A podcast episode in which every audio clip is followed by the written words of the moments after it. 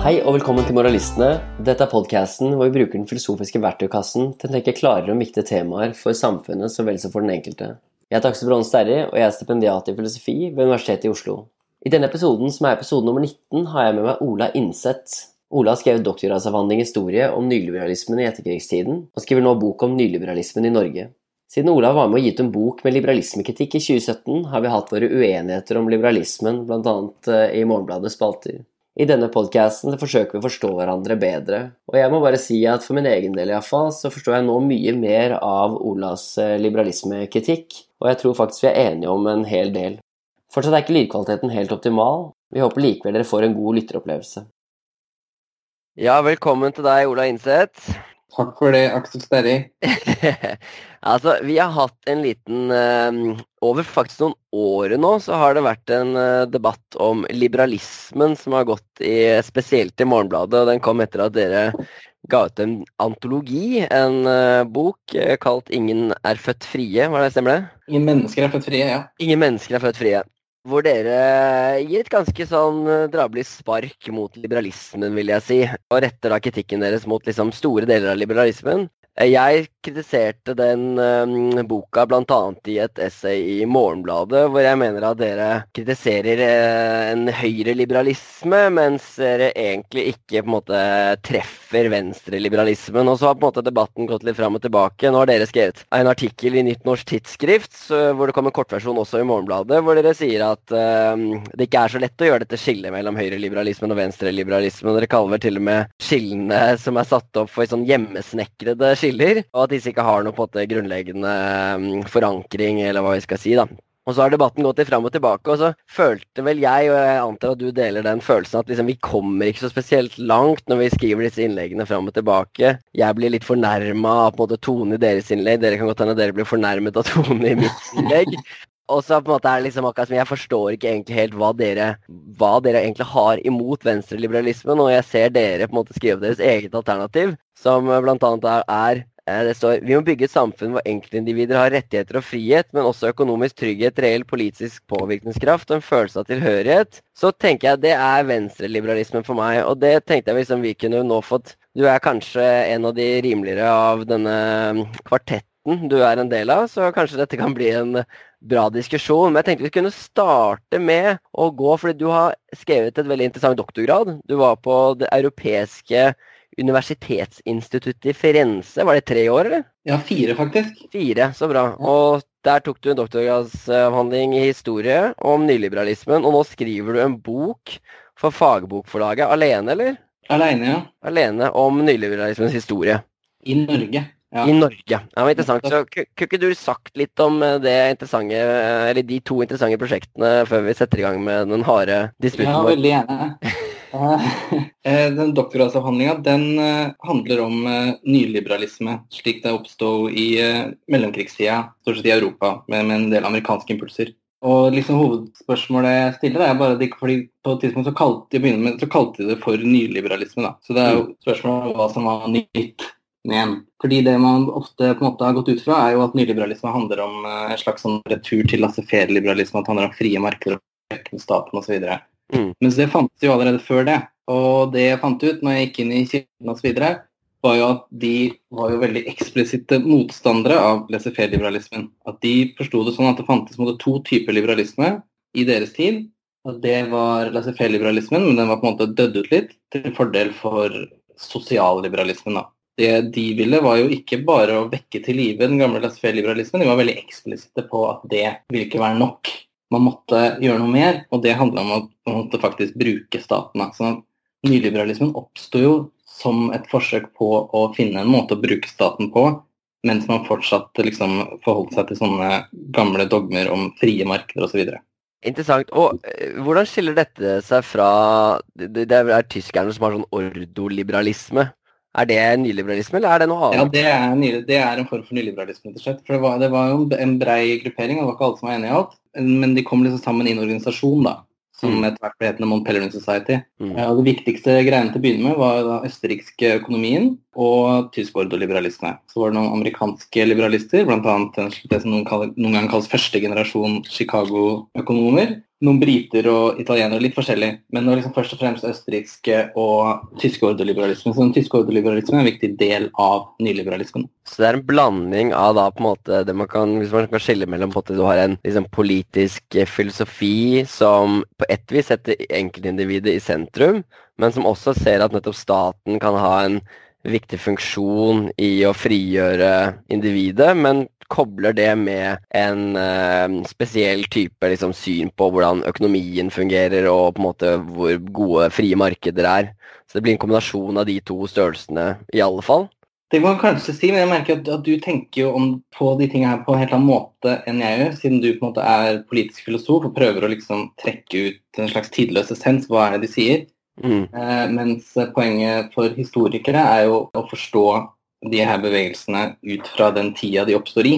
Mm. Eh, og et veldig viktig element da vil jo være det at uh, historikere er interessert i, i å på en måte historisere de her utviklingene. Da. Det viktigste å forstå med nyliberalismens framvekst var at det var en respons på demokratisering og arbeiderbevegelsen og sosialismens framvekst. At det er et forsøk på å forsvare en slags gjeldende samfunnsorden, en slags gjeldende hierarkier, eller det man kan kalle kapitalismen. da. Og, men å si at ja, modernitetens utfordringer, et sammenvevd eh, samfunn og demokrati, der kan vi løse. Og den beste måten å gjøre det på er ikke gjennom det det er kalt kollektivisme, ulike former for eh, planlegging, men gjennom markedsmekanismer på et eller annet vis. Og da må staten ha en veldig viktig rolle for å få til det. Ikke sant, fordi staten må på en måte da tvinge gjennom liksom, Hvis det allerede er eksisterende kollektiver som begrenser Si f.eks. at det er fagforeninger, veldig sterke fagforeninger, som begrenser mulighetene bedrifter har til å drive fri handel, sette ned lønninger, eh, osv. Inngå i individuelle avtaler med arbeid, arbeidstakerne, så må staten inn og f.eks. ta knekken på fagforeningene for å frigjøre bedriftene og eh, de enkelte arbeiderne. Er det liksom en måte å se på? For eksempel, og på samme måte så retta de den samme da liksom tenkemåten eller kritikken mot eh, det de kalte monopoler, eller eh, liksom storselskapsmakt. da. Ikke sant? For dem så var det var liksom monopoler og fagforeninger var uttrykk for det samme problemet. Ikke sant? At, at markedsmekanismen ikke fikk virke fritt. da. Og så blir jo det, det liksom vanskelig å si ja, ok, men hvis det er staten som gjør det, er det da en spontan mekanisme osv. Og, så og, det er jo relevant innvendinger. Ikke sant. Hva skiller da på at disse nyliberalistene egentlig fra sosialliberalistene? For du sier at de på en måte markerer et skille fra disse gamle laissez-faire-liberalistene. Og det måte, fremste forskjellen mellom laissez-faire-liberalistene og disse her vil være at de, disse her har større tro på at staten må inn og nettopp ta knekken på eh, monopolistene, enten de er i fagforeninger eller i eh, de store selskapene som har monopolmakt. Og så sier du at det, de også har en kontrast til sosialliberalere, er sosialliberalerne er det de som da står for den demokratiske makten, eller vil du si at de er en tredje gruppe som er på en måte sosialdemokrater eller til og med kommunister? Da det oppsto, så gikk jo de veldig langt, Hayek og mange andre gikk jo veldig langt til å si at sosialliberalisme praktisk talt førte til kommunisme. da. At det var jo på en måte begynnelsen på At man på en måte gikk i den retninga. Så de hadde jo veldig brodd mot uh, datidas liberalister, og mente at det liksom ble at det New Deal-liberalismen i USA mot Keynes osv. Da, da Hayek holdt en sånn forelesning da han fikk jobb i London på 30-tallet, så sa han sånne ting som at ja, her i dette landet nå er jo praktisk talt alle sosialister. Eh, der er det et sånn tanke om at dette er sånn rettighetsbasert eh, tanke sånn for å forankre mm, enkeltindividets frihet. Fordi vi har på en måte hvert, hvert enkelt menneske har en for sånn rett nærmest i møte med Gud i å på en måte ikke bli hindret i å gjøre de tingene de vil, så lenge de ikke på en måte hindrer andres frihet. Det er på en måte liksom måte å forstå eller forankre, kall det nyliberalismen, kall det libertarianismen. Men så har du den andre som nettopp ligger litt i Hayek, som du er opptatt av, som ser ut til å være mer sånn konsekvensialistisk syn på liberalismen, som er sånn ok, vi trenger markeder. Fordi nettopp hvis staten begynner å blande seg inn i prismekanismen mellom hver enkelt av oss, vi inngår i veldig mange små handler oss imellom, ingen av oss har på en måte fullstendig oversikt, vi bare gjør de tingene som virker fornuftig her nede på lokalt nivå, og så på en måte blir dette her en veldig sånn flott kaller det emergent, sant, emergent fenomen, hvor eh, ressurser flyter til dit de skal. Når det er knapphet på ressurser ett sted, så er det ingen som trenger å vite hvorfor det ble knapphet på ressurser. Kanskje det var for mye regn, kanskje det var for lite regn. ikke sant? Vi trenger ikke vite det, vi trenger ikke ha kunnskap om slikt. Fordi når det er mangel på korn et sted, så øker prisen av korn, og så vil vi flytte kornet til det, det greiene der. ikke sant? Så det er på en måte sånn, Da fungerer markedet utrolig bra til å løse en del problemer som er viktige for mennesker å få løst, samtidig som vel som du er inne på, at markedet, eller når vi på en måte får lov til å gjøre som vi vil i markedet, så er det også på en måte et vern mot disse totalitære systemene eller statlige systemer som skal begynne å bestemme hva er det du fortjener å ha, eller hva er det som er bra for deg å ha. Så det på en måte fyller en sånn konsekvensialistisk begrunnelse, da, at dette her gjør mennesker bedre stilt. Det er, vil du si at det er en, en fair måte å beskrive da, disse nyliberalerne du har vært opptatt av? Eh, ja, det kan du kanskje si. Jeg tenker jo du trekker inn folk som Notzig osv., som uh, er jo en form for libertarianisme, som er en, en ny variant av nyliberalismen som oppstår i USA seinere. Og så har jo liksom Innenfor ditt fagfelt så har disse store debattene mellom Notzig og Rawls, hvor uh, du selvfølgelig heier på Rawls, og det på en måte viser at venstreliberalismen uh, er veldig annerledes fra libertarianismen, nyliberalismen osv. Mm. Det er greit, det er store forskjeller der osv. Men det blir jo på mange måter et, et slags universitetsfenomen. eller noe som på en måte foregår i seminarrom og teoretiske diskusjoner, mens den nyliberalismen det systemet av tenketanker og tenkemåter som særlig har den største påvirkningen, har vært da den andre generasjonen av Chicago-skolen, mm. en del senere, har jo hatt veldig stor påvirkning på, på en måte, virkeligheten, på, eller på hvordan økonomisk politikk gjennomføres i praksis. Er dette sånn Milton Friedman og George Stigler og sånne ting? eller? Definitivt. Og de er jo på mange måter annerledes fra Hayek. Eh, ettersom de er nyklassiske økonomer, f.eks. Mm. Og det er så mange skiller da, mellom de ulike nyliberalistene, mellom Chicago-skolen, mellom libertarianere, mellom ordoliberalister osv. Men på en, en, viktig likhet er jo at de trives veldig fint med å ha en organisasjon sammen, Montpellier Society, og mm. dele på lederskapet og holde konferanser osv. Og, så og på det rent mer idémessige plan da, så mener jeg at alle de her ideene utgår fra den liksom, grunntanken på 30-tallet om at man må gjøre markedsmekanismer til selve liksom, grunnlaget for hvordan et moderne samfunn styres. Som altså er en idé som er utvikla i opposisjon til sosialdemokrati, sosialisme, sosialliberalisme. Ikke sant. Og det er derfor dere Så nå begynner jeg på å se litt mer av, uh, av deres kritikk. Så det er det som dere ser, da, er en sånn Ok, dette her, eh, den nyliberale ideen, ikke sant, nettopp om at veldig mye av for så vidt uh, transaksjonsene, eller på en måte egentlig samhandlingen mellom mennesker, uh, gjøres godt med markeder. Og så ser dere egentlig sånn det er en stadig utvidelse av markeder som også nettopp slik som meg og andre som kaller seg sosialdemokrater eller sosialliberaler eller hva det skal være, de har på en måte også vært tilhengere av å bruke markeder til veldig mye, fordi vi nettopp kjøper Hayek og andre sine måte, beskrivelser av markedets gode sider. Da, nettopp at det har disse positive funksjonene. At det for det første så muliggjør det uh, gjensidig bebyrdende avtale mellom to parter. Hvorfor skal jeg ellers inngå en avtale hvis ikke det er begunstigende for meg?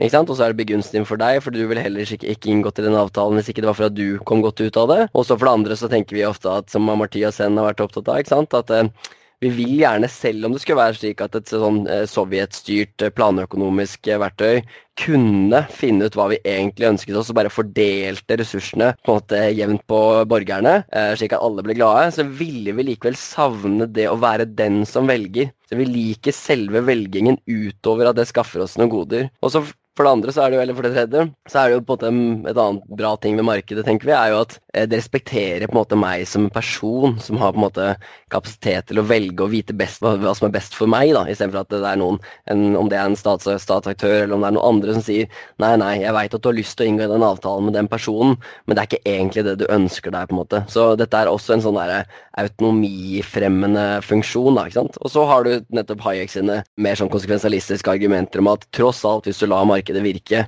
så kommer det til å fungere mye bedre enn nettopp hvis du på en måte prøver å sette på en måte mm, rasjoneringer som man har prøvd, i, prøvd under kriger, men også som kanskje en del av sovjetsystemet var bygd på. Da, At det, det, skal være en eller annen statlig byråkrati som skal prøve å finne ut hva vi bør produsere industrien, eller hva folk trenger, og så på en måte styre hele dette greiene fra toppen. Det er bare utrolig vanskelig, fordi dette store systemet ikke sitter på tilstrekkelig med informasjon eh, om hva vi egentlig ønsker oss, og vi vet kanskje ikke egentlig helt hva vi ønsker oss selv, men vi lærer i den markedsprosessen, slik at vi faktisk blir bedre stilt. Så det er på en måte liksom mange gode argumenter for markedet, og det er det vi sosialliberaler og sosialdemokrater har kjøpt mer og mer into, og så vil dere si at sant, så har vi da blitt med på denne nyliberale bølgen, og er, i realiteten er det da ikke en veldig stor forskjell mellom sosialliberalere og nyliberalere. Det er i hvert fall mindre enn man kanskje skulle tro, hvis man bare på en måte bruker uh, debatter i nyere politisk filosofi mellom Rolls og Notsing som liksom utgangspunkt for om man er til høyre eller venstre. Mm. Da kan man lett tenke at ja, jeg er jo liksom, det er jo helt motsatt av nyliberalisme, jeg hater det. Mens det kanskje ikke er fullt sånn, da. Og hvis jeg kan da kan komme inn på mitt uh, nye prosjekt Jeg har gjort mm. for meg i doktorgraden ved å bare skrive om mellomkrigstida og tillitskrigstida og si at det her var de folka, de kalte seg nyliberalister, og det her var det de mente. Mens eh, nå prøver jeg å si noe om hvordan de ideene har påvirka virkeligheten da, etterpå. Mye vanskeligere. Men da må man til 70-tallet og den økonomiske krisa på 70-tallet, hvor da en lang rekke land, Norge inkludert, endte med å Det var en reell krise, det var reelle problemer i det styringssystemet man hadde. Og av ulike årsaker så endte man da med å innføre stadig mer politikk som jeg mener bør forstås som nyliberalistisk, fordi det handler om det handler om å lage statlige At staten regulerer og lager systemer som allikevel svekker den demokratiske kontrollen over økonomien og gir mer rom til det man kaller markedsmekanismer. Da.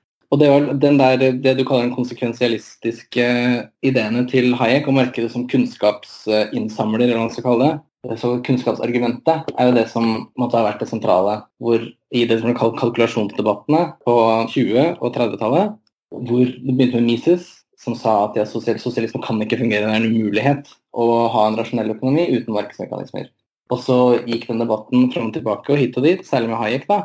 Jeg skal ikke gå inn på detaljene i det, men poenget er jo at eh, Hayek tapte på mange måter den debatten etter hvert som stadig flere land begynte med det man kan kalle økonomisk planlegging. Noen vil si at, eller Veldig mange vil si at han vant den debatten på det rent intellektuelt sett det er på en måte veldig veldig få i dag som tror altså Det var jo mange på det fremtredende økonomer, bl.a. Josef Schumpeter. Paul Samuelsen sier vel også at liksom, de trodde på sovjetøkonomiens rasjonalitet, og for så vidt i de nyklassiske modellene så på det ligger det en sånn iboende greie som sier at ok, faktisk hvis noen bare sitter på all den informasjonen som vi bare antar eh, alle markedsaktørene har tilgjengelig for seg, så vil faktisk en sovjetøkonomi eller en planstyrt økonomi kunne være bedre. Men nå vil vel de fleste si at ok, i realiteten så går ikke det. Eh, du må ha et eh, marked for å nettopp tilgjengeliggjøre den informasjonen som ingen enkeltaktør sitter på, eller gruppa enkeltaktører sitter på. Så Hayek vant vel debatten rent sånn intellektuelt sett, men han tapte den i praksis, da vil du si, ikke sant? Ja, altså I praksis så begynte jo veldig mange land, Norge inkludert, med utstrakt grad av økonomisk planlegging. Eh, og Det førte også til at Hayek måtte trakke seg tilbake litt fra økonomifaget. Mm. For Der ble jo måtte ansett som en spesielt seriøs fyr ganske lenge etter det, og han begynte mer med filosofi. Men når det da den eh, økonomiske krisa eh, inntraff på 70-tallet, kom liksom nyliberalismen tilbake. Ikke først og fremst gjennom Hayek, men først og fremst gjennom Chicago-skolen. Milton Friedman, Stigler osv. Og, så og det var jo fordi de, i motsetning til Hayek, hadde blitt i økonomifaget. Da. De jobba innenfor det nyklassiske rammeverket, det som noen til og med kalte det kinsianske rammeverket. På det tidspunktet, Og lyktes jo på mange måter med å endre det sånn at det liksom på mange måter inneholdt nyliberalistisk politikk. På en måte som Hayek måte ikke, ikke forsøkte å gjøre i det hele tatt. Det var jo en slags intellektuell seier selvfølgelig, for liksom, Chicago-skolen, samtidig som det åpenbart relatert seg til de virkelige utviklingene i verdensøkonomien. Da. Så det er, den, det er liksom den eh, overgangen jeg forsøker å beskrive, og jeg håper at jeg kan føle at den debatten om nyliberalisme har vært prega av den ideen man har hatt om at nyliberalister er mot staten osv. Og, så og da har det vært veldig enkelt for f.eks. folk som Torbjørn Jagland eller Per Kleppe eller hvem som helst å si at ja, men vi er ikke nyliberalister, alt det her vi gjør er jo på en måte mot nyliberalismen fordi vi mm. staten. Og så viser jeg at ja, men det er kanskje ikke det. Nyliberalisme er ikke sånn som laissez-faire. Det handler om noe litt annet. Det handler om å bruke staten for å på en måte, legge til rette for markedet på et eller annet vis. Og det er jo egentlig den utviklingen man har vært gjennom i Norge. Og ja. Det skyldes én viktigheten av økonomifaget. Og det er ikke sånn at økonomifaget per def er nyliberalistisk, det var jo per def på en måte sosialistisk i mellomkrigstida. Og derfor har jeg kanskje sur på dem. Og så skjer en endring, da. Det er veldig viktig, samtidig som det har jo selvfølgelig også å gjøre med Norges plass i verdensøkonomien. å gjøre. Så Det er ikke bare liksom både idé, men det er de to nivåene spiller måte sammen da, i den endringsprosessen. Så jeg håper at de som syns at de endringene som ble gjennomført har vært gode, at det var, liksom, at det var klokt å gjøre, at de også kan på en måte nikke gjenkjennende til den historien jeg beskriver. da. Ikke sant? Og så vil de mest sannsynlig reagere på å bli kalt nyliberalere, eller måtte iallfall om ikke de selv er nyliberalere, så at de nettopp støttet en nyliberalistisk utglidning, da. Det vil kanskje mange oppleve som ubehagelig, men som du kanskje har rett i. At noen er ist det ene eller det andre, det er å liksom vise en politisk utvikling som, som kommer derfra. Ja, jeg, det, det, jeg vil tenke at det, det, har du i stor grad rett i. da, At man får en økt tro på markedsmekanismer innenfor flere felt. Og det kan jo én skyldes enten en endret ideologi. At eh, du har aktører som uh, Friedman, Stigler og andre som virker veldig overbevisende, har gode argumenter, eventuelt nettopp organiserer seg, slike ting som Mon in Society, påvirker politikere enten på bakrommet eller ved å skrive bøker. Er det ikke slik at uh, Thatcher på en måte tar opp uh, Hayeks uh, Constitution of Liberty og liksom sier dette er vår bibel, og så er det spørsmålet om hun leser den grundig eller ikke, men likevel ikke sant, da kan du som intellektuell eller ikke sant, som filosof, professor, whatever, ha mulighet til å påvirke ideene til enkeltaktører med mye makt. da, som Thatcher og Reagan og andre, eller kanskje Førde, Jagland, Gro i Norge. da. Det er, det er, det to ulike forklaringer. En forklaring er den som sier eh, de blir overbevist om disse ideene. Det har ikke endret seg noe på bakken. Eller så har du, men så har du en annen forklaring som er på en måte mer sånn ok, forholdene endret seg. Vi har fått nye teknologier, enten nye styringssystemer eller nettopp at eh, kraftmarkedet fungerer annerledes, eventuelt telemarkedet fungerer annerledes. Slik at vi ikke trenger lenger å ha på en måte en statlig kontroll av disse på samme vis som vi hadde før. da. Og da er det på en måte nettopp, de, liksom, nettopp forholdene på bakken som har endret seg, slik at det faktisk muliggjør å bruke markeder. Fordi alle er jo enige om at markeder fungerer i enkelte sektorer veldig, veldig bra. Det er det jo ingen sosialister engang vel som er uenig i. At uh, det er fint om markedet håndterer skoproduksjon, liksom. Det er på en måte, det er for veldig mange en død debatt. Men så er det spørsmål om markedet også bør gå inn til å håndtere telesektoren eller kraftsektoren eller andre ting som tidligere var statlig eid. Da. Men hva tror du, er det ideene, eller tror du det er endrede teknologiske forhold eller styringsforhold som gjør det mulig å bruke markedets kraft?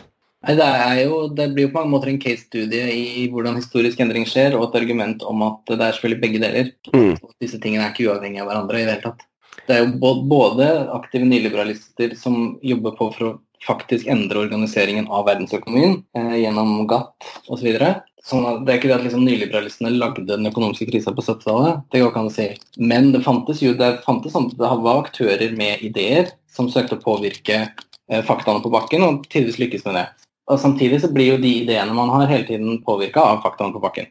Det er jo en vekselvirkning som det er vanskelig å, å eh, operasjonalisere i et uh, skjema, da, men som man ikke vil prøve å beskrive etter beste evne. Absolutt. Så hvilke sektorer er det du vil si at uh, markedet er det som Er det bolig, nettopp kraft og tele som er på en måte de Og så tar man åpenbart i bruk markedsmekanismer på et vis. Det er jo mye snakk om New Public Management Sånn sett er kanskje Tormod Hermansen som sto bak liksom en av de tidlige NOU-ene i 1989 eller hva det var, som måtte la grunnlaget for det mange vil kalle New Public Management eller mål- og resultatstyringssystemer i offentlig sektor. Vil du si at liksom han, er, han er på en måte den primære nyliberale drivkraften innenfor byråkratiet i Norge, eller? Og i så fall nettopp hvilken sektor er det? Ja. Før han også, og han er definitivt viktig i uh, organiseringen av offentlig sektor liksom etter markedsprinsippet. Mm. Det kapitlet ditt har ikke kommet ennå, så jeg trenger ikke mm. snakke for mye om ennå.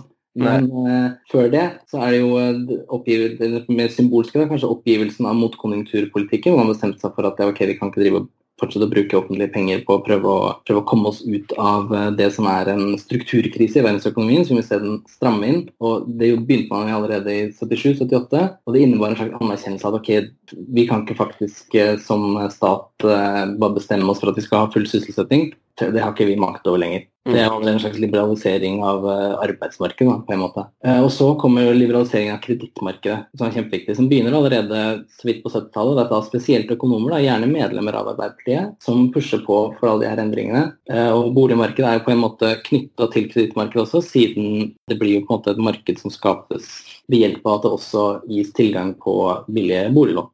Og så en skattereform også, som vi sier kommer inn i det. Det er liksom de viktige tidlige makroøkonomiske endringene mot at vi får en sentralbanken får en helt annen og mye viktigere rolle, mye mer uavhengig rolle, helt fram til 2001, hvor vi får at de styrer etter, inflasjons, et inflasjonsmål. Mens en annen del av det som vi på en måte kanskje føler nærmere på kroppen i samfunnet, er jo den omorganisering av offentlig sektor. Da. Og de henger jo litt sammen fordi man får et helt annet press på statsfinansene. At det å drive en ekspansiv økonomisk politikk er ikke noe man nødvendigvis driver man lenger. Og at, sosial, at velferdsstaten blir en utgift mer enn det. På et tidspunkt så var det forstått som en slags investering. Som en produktiv, eh, en lur måte å bruke penger på for eh, økt økonomisk vekst, men så blir det jo omdefinert til å bli omtrent helt motsatt. En utgift som vi må spare inn på, som, og det presser seg fram effektiviseringer osv. Og, så og de effektiviseringene foregår da ofte på modeller modell av sånn public choice-teori, som jo også er tenkemåte som er veldig tett knytta til den tidlige nyliberalismen. Både på det idémessige grunnlag, men det sånn organisatorisk også, da med James Buchanan som var leder av Montpellier Society osv. Ikke sant? Det, var jo, det er ikke sånn at alle reformer i velferdsstatene da nyliberalistene kom til og sagt at dritt med velferdsstat, nå skal vi bare nyliberalisere det og gjøre det skikkelig råttent.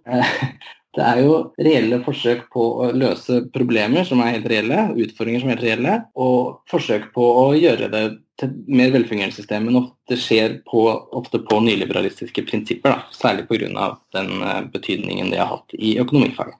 Ikke sant. Nei, fordi sant, Det er jo nettopp Du har den der liksom naive eh, forklaringen sant, på hva som skjer. så er det sånn, ok, Du har nettopp krisen på 70-tallet, som er på en måte du kan si egentlig en oppsamling. Den måte inntreffer ordentlig på 70-tallet, men har på en måte kanskje skapt allerede utover 60-tallet. Og Da kaller du, da får du det der stag stagflasjonsbegrepet, hvor sant, de har økende prisvekst. Og de dytter på, dytter, dytter på penger, men du får ikke noe mer vekst av det.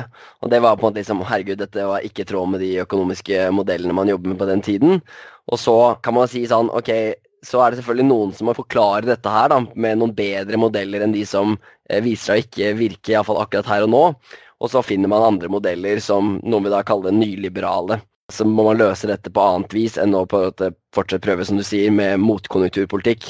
Men så har du på et sånt, det var på en måte det man tenkte på 70-tallet, kan man si. da tenkte man andre løsninger på de problemene man hadde. Men nå, etter f.eks. finanskrisen, og det var ikke slik at man hadde gitt opp motkonjunkturpolitikken før det heller, men etter det så er det jo helt åpenbart for alle at man driver ganske aktiv motkonjunkturpolitikk i mange land, og helt åpenbart i Norge. Og hvis du bare går tilbake Jeg tok noen øh, økonomifag på Universitetet i Oslo før finanskrisen inntraff, og der var det helt åpenbart for meg at det økonomifaget var utrolig på en måte sosialdemokratisk innstilt sånn sett. Da, at det var sånn, Og det er ikke så rart heller, de på en måte produserer jo finansdepartementsfolk. Og da er jo tanken nettopp det. Ja, ok, når økonomien går dårlig, så kan man tjene på å dytte, sprøyte inn penger fra det offentlige. Og det er mer effektivt enn å redusere skattelettene, for det er ikke noe tap til eh, sparing. Det er direkte forbruk, så det har mer positiv virkning på å få økonomien eh, på, opp igjen. Men når det går bra igjen, så må man kutte i offentlig forbruk, fordi da bare forsterker man en eh, boble som vil Så da driver man en motekonjunkturpolitikk, og det har man lært både før og etter finanskrisen. Så hvordan vil du liksom forklare det hvis måte, nyliberalismens ideer har på en måte fått fotfeste? Hvorfor driver man fortsatt med motkonjunkturpolitikk? Hvis det er på helt generelt grunnlag så er det sånn i både i økonomifaget og i forvaltningen som i politikken generelt at man har laget seg en litt sånn busemann av hva nyliberalisme er. Mm. Eh, at det handler om at eh, man hater staten osv. Og så da har det vært veldig lett. Når man liksom avviker fra den liksom absurde idealtypen, som nesten ikke finnes noen som mener noe, ut fra kanskje noen libertarianere, så er det veldig lett å si da så da er jo ikke jeg, eh, da er jo ikke vi nyliberalister. For vi vil jo at staten, vi vil jo at staten skal rydde opp når det er markedssvikt, eller vi vil det ene og det andre. Men og det er selvfølgelig sant at det, det er ikke sånn alle økonomer plutselig bare begynte å deklamere fra Milton Friedman. Uh, han var jo kontroversiell på veldig mange måter. Eh, selv om han var jo også veldig anerkjent. Og jeg tror jo at særlig da Chicago-skolens påvirkning på resten av faget er veldig undervurdert. At man fikk den saltvanns-ferskvannsdebatten mellom de liksom mer progressive økonomene mot Chicago-økonomene. Og da ble det så at hvis man var saltvann, så var man liksom det motsatte av nyliberalisme. Mens i realiteten så bevega jo hele faget seg i veldig stor grad i den retningen da, mot Chicago-økonomene og tok inn veldig store deler av Selv om man ikke svelger monetarismen helt, så tok man inn veldig store deler av det osv. Så sånn at det er lett å si at man liksom ikke, ja, vi er ikke nyliberalistiske fordi se her er én ting vi gjør som ikke er nyliberalistisk, eller se her, vi liker staten litt osv. Mens det tar liksom ikke inn over seg hvor stor grad den påvirkninga er veldig omfattende og veldig reell. og Hvis du ser på faget i dag i forhold til hvordan det var etter krigen, da, så er det ekstremt store forskjeller. Og mange av dem handler, handler jo da, vil jeg si, kan beskrives som nyliberalistiske. Ikke alle. Mm. Sånn at vi kan ha et mer balansert syn på det, i hvor stor grad uh, den påvirkningen er reell. Og så kan det jo også hende at det trenger ikke, bare å, trenger bare å handle om ideer heller, ikke sant, og hvem som er smarte og hvem som klarer å overbevise andre. Det kan jo, og det åpner jeg jo for, at det kan Mm. hende at nyliberalistene hadde litt rett eh, i at uh, markeder kan være en god sånn som du mener da, kan være en god måte å organisere verden på. I hvert fall mye lettere enn demokratisk planlegging. Og at faktaene på bakken, eller virkeligheten, har på en måte jobba i deres favør veldig lenge. Mm. At den påvirkninga har jo også vært handla om at flere og flere har begynt å, ja, begynt å tenke at de har rett, for å si det sånn. Nei, fordi, fordi Jo, altså det som for det første er liksom den tradisjonelle storyen, da, som jeg bare tenker er ikke sant, hvis, En ting er liksom, du har dette, dette historiske perspektivet ditt, så har jeg mitt eh, liksom, kanskje altfor naive ahistoriske perspektiv på ting. Og jeg prøver å tenke liksom, hva er det som er rett? Og da ser det ut til å være ikke sant, at um, slik man i økonomifaget har tenkt mye, har jo vært sånn OK, markedet fungerer veldig godt når enkelte forutsetninger er tilfredsstilt. Som at eh, alle aktører har eh, perfekt informasjon, det er ikke noen eh, monopolister som har kontroll over markedet. ikke sant? Det er på en måte da en friest mulig konkurranse, så er det andre på en måte forutsetninger som ligger i, i, i de modellene. Og Da fungerer dette her veldig veldig bra. Men så er det ikke sant, markedssvikt oppstår når disse forutsetningene ikke nettopp er tilfredsstilt. Når det er slik at det er stor forskjell på i hvem som sitter med informasjon. Hvis noen sitter med masse informasjon, kunden har ikke den samme type informasjon, så kan det oppstå en uh, markedssvikt i den situasjonen der. Det andre på en måte tilfeller av markedssvikt når det lønner seg uh, å ha en monopolist, ikke sant? som man har hatt f.eks. i kraftmarkedet. ikke sant? Det er så store oppstartskostnader ved å drive disse kraftverkene at du kan ikke ha mange av dem, og da må noen på en måte ha um, da lønner det seg eh, for samfunnet å ha eh, monopolister. Og det var jo et argument eh, har vært, og kanskje fortsatt er, et argument for at staten faktisk tar over og driver fordi det er vanskelig å kontrollere en privat monopolist. Så da hadde man liksom en tro da, ikke sant, tidlig, på en måte den tidlige sånn etterkrigstiden, kanskje før det òg, hvor man tenkte ok, vi har i enkelte sektorer så er disse forutsetningene for et, måte, et fungerende fritt marked, de er tilfredsstilt, og da kan vi la markedet drive på så godt vi kan. Og så prøver vi å ta knekken i den grad måte, noen private monopolister f.eks. greier å skaffe seg et midlertidig monopol, så prøver vi å måte sørge for at ikke de blir for store ved å drive konkurransepolitikk, splitte opp Sats og Elexia og slike ting. Men hvis det er store grader av markedssvikt, så må staten inn og på en måte korrigere for den markedssvikten. Men så, sant, så påpeker du, så kommer Buchanan og liksom Public Choice-skolen inn og sier jo, jo, greit nok, det er markedssvikt, markedene fungerer ikke alltid perfekt, men staten har også svikt, så det er også statlig svikt. Når staten prøver å korrigere markedssvikter, så dummer de seg ut masse. Eh, De kommer inn med sine klumpete hender og prøver å løse problemene, men ofte så blir bare ting verre. Og det er kanskje ikke så gærent med monopolister alltid, fordi nettopp det er noen ganger det er gunstig å ha en Google, vi ikke gå på Google, Yahoo, all masse konkurranse. Det er fint hvis du har noen monopolister, så lenge de ikke misbruker den makten. Og jeg, vil, jeg tenker ofte slik at her er det jo noe som er sant eller ikke sant. Så enten så overdriver disse public choice-folkene og overdriver hvor vanskelig det er for staten å gripe inn, eller så har de på en måte rett. Og det er jo et empirisk spørsmål, og det virker til å avhenge fra tid og sted. Altså fra liksom i ulike kontekster. I ulike land. Noen land er staten flinkere, andre land er staten helt elendig. Noen land så fungerer markedet ganske bra, kanskje pga. ulike normer. ikke sant? De har mye tillit til hverandre. Et eller annet som gjør at markedet fungerer bra. Andre ganger så fungerer det skikkelig dårlig. Og i de stedene dessverre så fungerer staten ofte også veldig dårlig, fordi det er korrupsjon og alt det grann der. Men det virker ikke på meg som liksom, en, sånn, en ting man i hele tatt kan vurdere fra liksom en eller annen sånn a priori eller eh, fra skrivebordet, eller heller fra på en måte et ideologiståsted. Det er på en måte påstander om hvordan verden fungerer, og de kan stemme eller ikke stemme. Hva tenker du om å se på det på den måten? Ja, det høres ikke så dumt ut, det, men, men da, da, tenker du allerede om verden måte, som et marked, eller på bakgrunn av markedsmekanismer, og på bakgrunn av Du ser på samfunnet som en samling markeder, på en måte, og spørsmålet er hvorvidt man kan i store gåsehudene gripe inn eller ikke. Mens det synes er spennende med tidlig nyliberalisme, er jo at kanskje siden de var så innmari på defensiven, da, det var ingen som på en måte forsvarte kapitalismen omtrent, og fordi det, liksom var så ekstremt mye som sto på spill. Og kanskje også fordi liksom, allmenn stemmerett var rett og slett et ganske nytt fenomen. ikke sant? Det, bare det kom i 1919 i Norge, liksom. Eh, så gjorde at alle de her spørsmålene om hvordan skal man egentlig organisere et moderne samfunn som er sammenvevd, og som har pretensjoner om demokrati, da, i hvert fall. Og da var det jo det var mange som ville sosialisere hele økonomien. Keynes mente til og med at økonomien ble sosialisert måte, av seg selv. Trengte ikke å, noe man tenkte å innføre, for det var en naturlig utvikling omtrent. Firmaet ble større og større osv. Så videre. sånn det å liksom tenke om samfunnet som et marked, som en samling markeder, er jo allerede en måte å tenke om det på, da, som ikke nødvendig, og så må jeg godt si at det er sånn det fungerer i dag osv., men det er jo allerede på en, måte, en ramme da, man bruker for å forstå verden, som ikke Absolutt. er den eneste mulige. Det er jeg enig i, og jeg tror nok, iallfall for min egen del, da, så er kanskje ikke alltid det interessant å bruke meg som case studie, men slik jeg tenker om dette, så er det sånn, helt enig, altså det er ikke sånn at vi bør ta bare for gitt at liksom den beste måten å organisere samfunnet vårt på er ved å gi dette til markedet eller dette til markedet eller dette til markedet. Vi må på en måte liksom begrunne det egentlig i hvert tilfelle. Og så er grunnen til at vi har det som kanskje liksom utgangspunkt i mange tilfeller, det er fordi det har på en måte presumsjon for seg. Fordi det fungerer i så mange tilfeller. Så er det på en måte interessant å spørre seg hvorfor skal det ikke fungere også i dette nye tilfellet. Og som du vet, så er jeg på at jeg prøver å tenke litt om disse eh, markedene som er på det, det vi ofte kaller som frastøtende markeder. Og det kan være markeder i sex og graviditeter og organer. Og innenfor f.eks. organer så er det jo interessant. ikke sant? Så Det er veldig flere som sier at greit, vi har en modell i dag hvor vi har gjort masse design. Det er det som er fascinerende, ikke sant? som er kanskje i tråd med den nyliberalisme-tanken din. at det? Her har det sittet masse folk som uh, har prøvd å skape f.eks. et bilde uten et marked. Har tenkt at det å gi bort en organ til noen du er glad i, gi bort en nyre til noen du er glad i, det er på en måte en utrolig eh, fin gave. Ikke sant? Og dette skal gjøres utelukkende av altruistiske motiver, og gjør du det, så er det på en måte en kjempeflott ting. Det var ikke gitt, for det var ikke sånn at dette liksom lå i kortene når det ble mulig å på en måte flytte et, en nyre til et annet menneske, og det skulle fungere. Så var det på en måte, vi hadde ikke noen ramme klar for å på en måte tenke over hvordan vi bør gjøre det.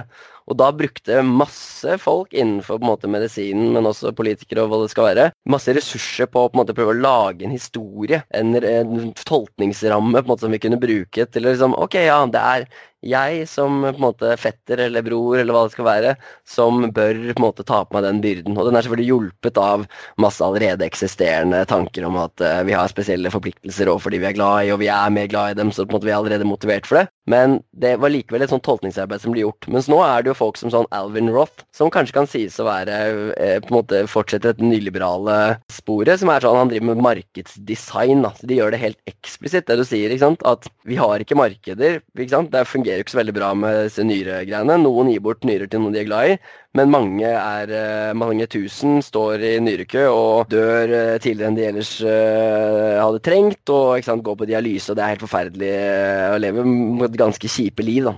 Og da kommer de inn og bare hm, Kan vi bruke markedsmekanismer for å løse det problemet som ligger i den nye situasjonen? Og da kommer de inn og sier ja, ja, vi kan se på dette som et matchingmarked. Noen uh, har lyst til å gi bort en nyre til noen de er glad i, men de er ikke en perfekt match. Men kanskje hvis du kan ta med, hvis du har en som er villig til å være match, men som ikke er din match, så kan du ta med den personen inn i dette systemet og bruke den personen egentlig som en voucher inn i systemet, og så bytte du med en annen som da også har en ikke-matchende donor, men som matcher med deg, og så foretar man sånne bytter internt i dette her eh, markedet. Men så er man nøye på å si det er ikke et marked, fordi vi liker ikke markeder i nyrer.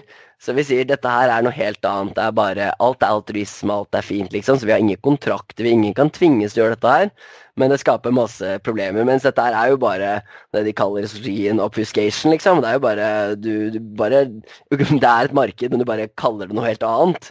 Men ikke sant, det, det jeg bare vil fram til, er jo sånn Dette her er jo bare motivert av være litt sånn markedsdesignslogikk. Er jo motivert bare tanken vi har problemer som vi tror vi kan løse hvis vi gjør det mulig for folk å bytte med hverandre. Enten bytte ved hjelp av penger, eller bare bytte som dette nyremarkedet til Alvin Roth. Og det skal gjøre at folk slipper å gå på dialyse eller dø tidligere enn det de ellers ville gjort. Liksom. Så man, det er jo, man har grunner for å bruke markedet som en løsemekanisme. Det er ikke bare, liksom, det er ikke bare ideologi. Og jeg tror ikke du bare sier at det er ideologi, men man har begrunnelse for det, da.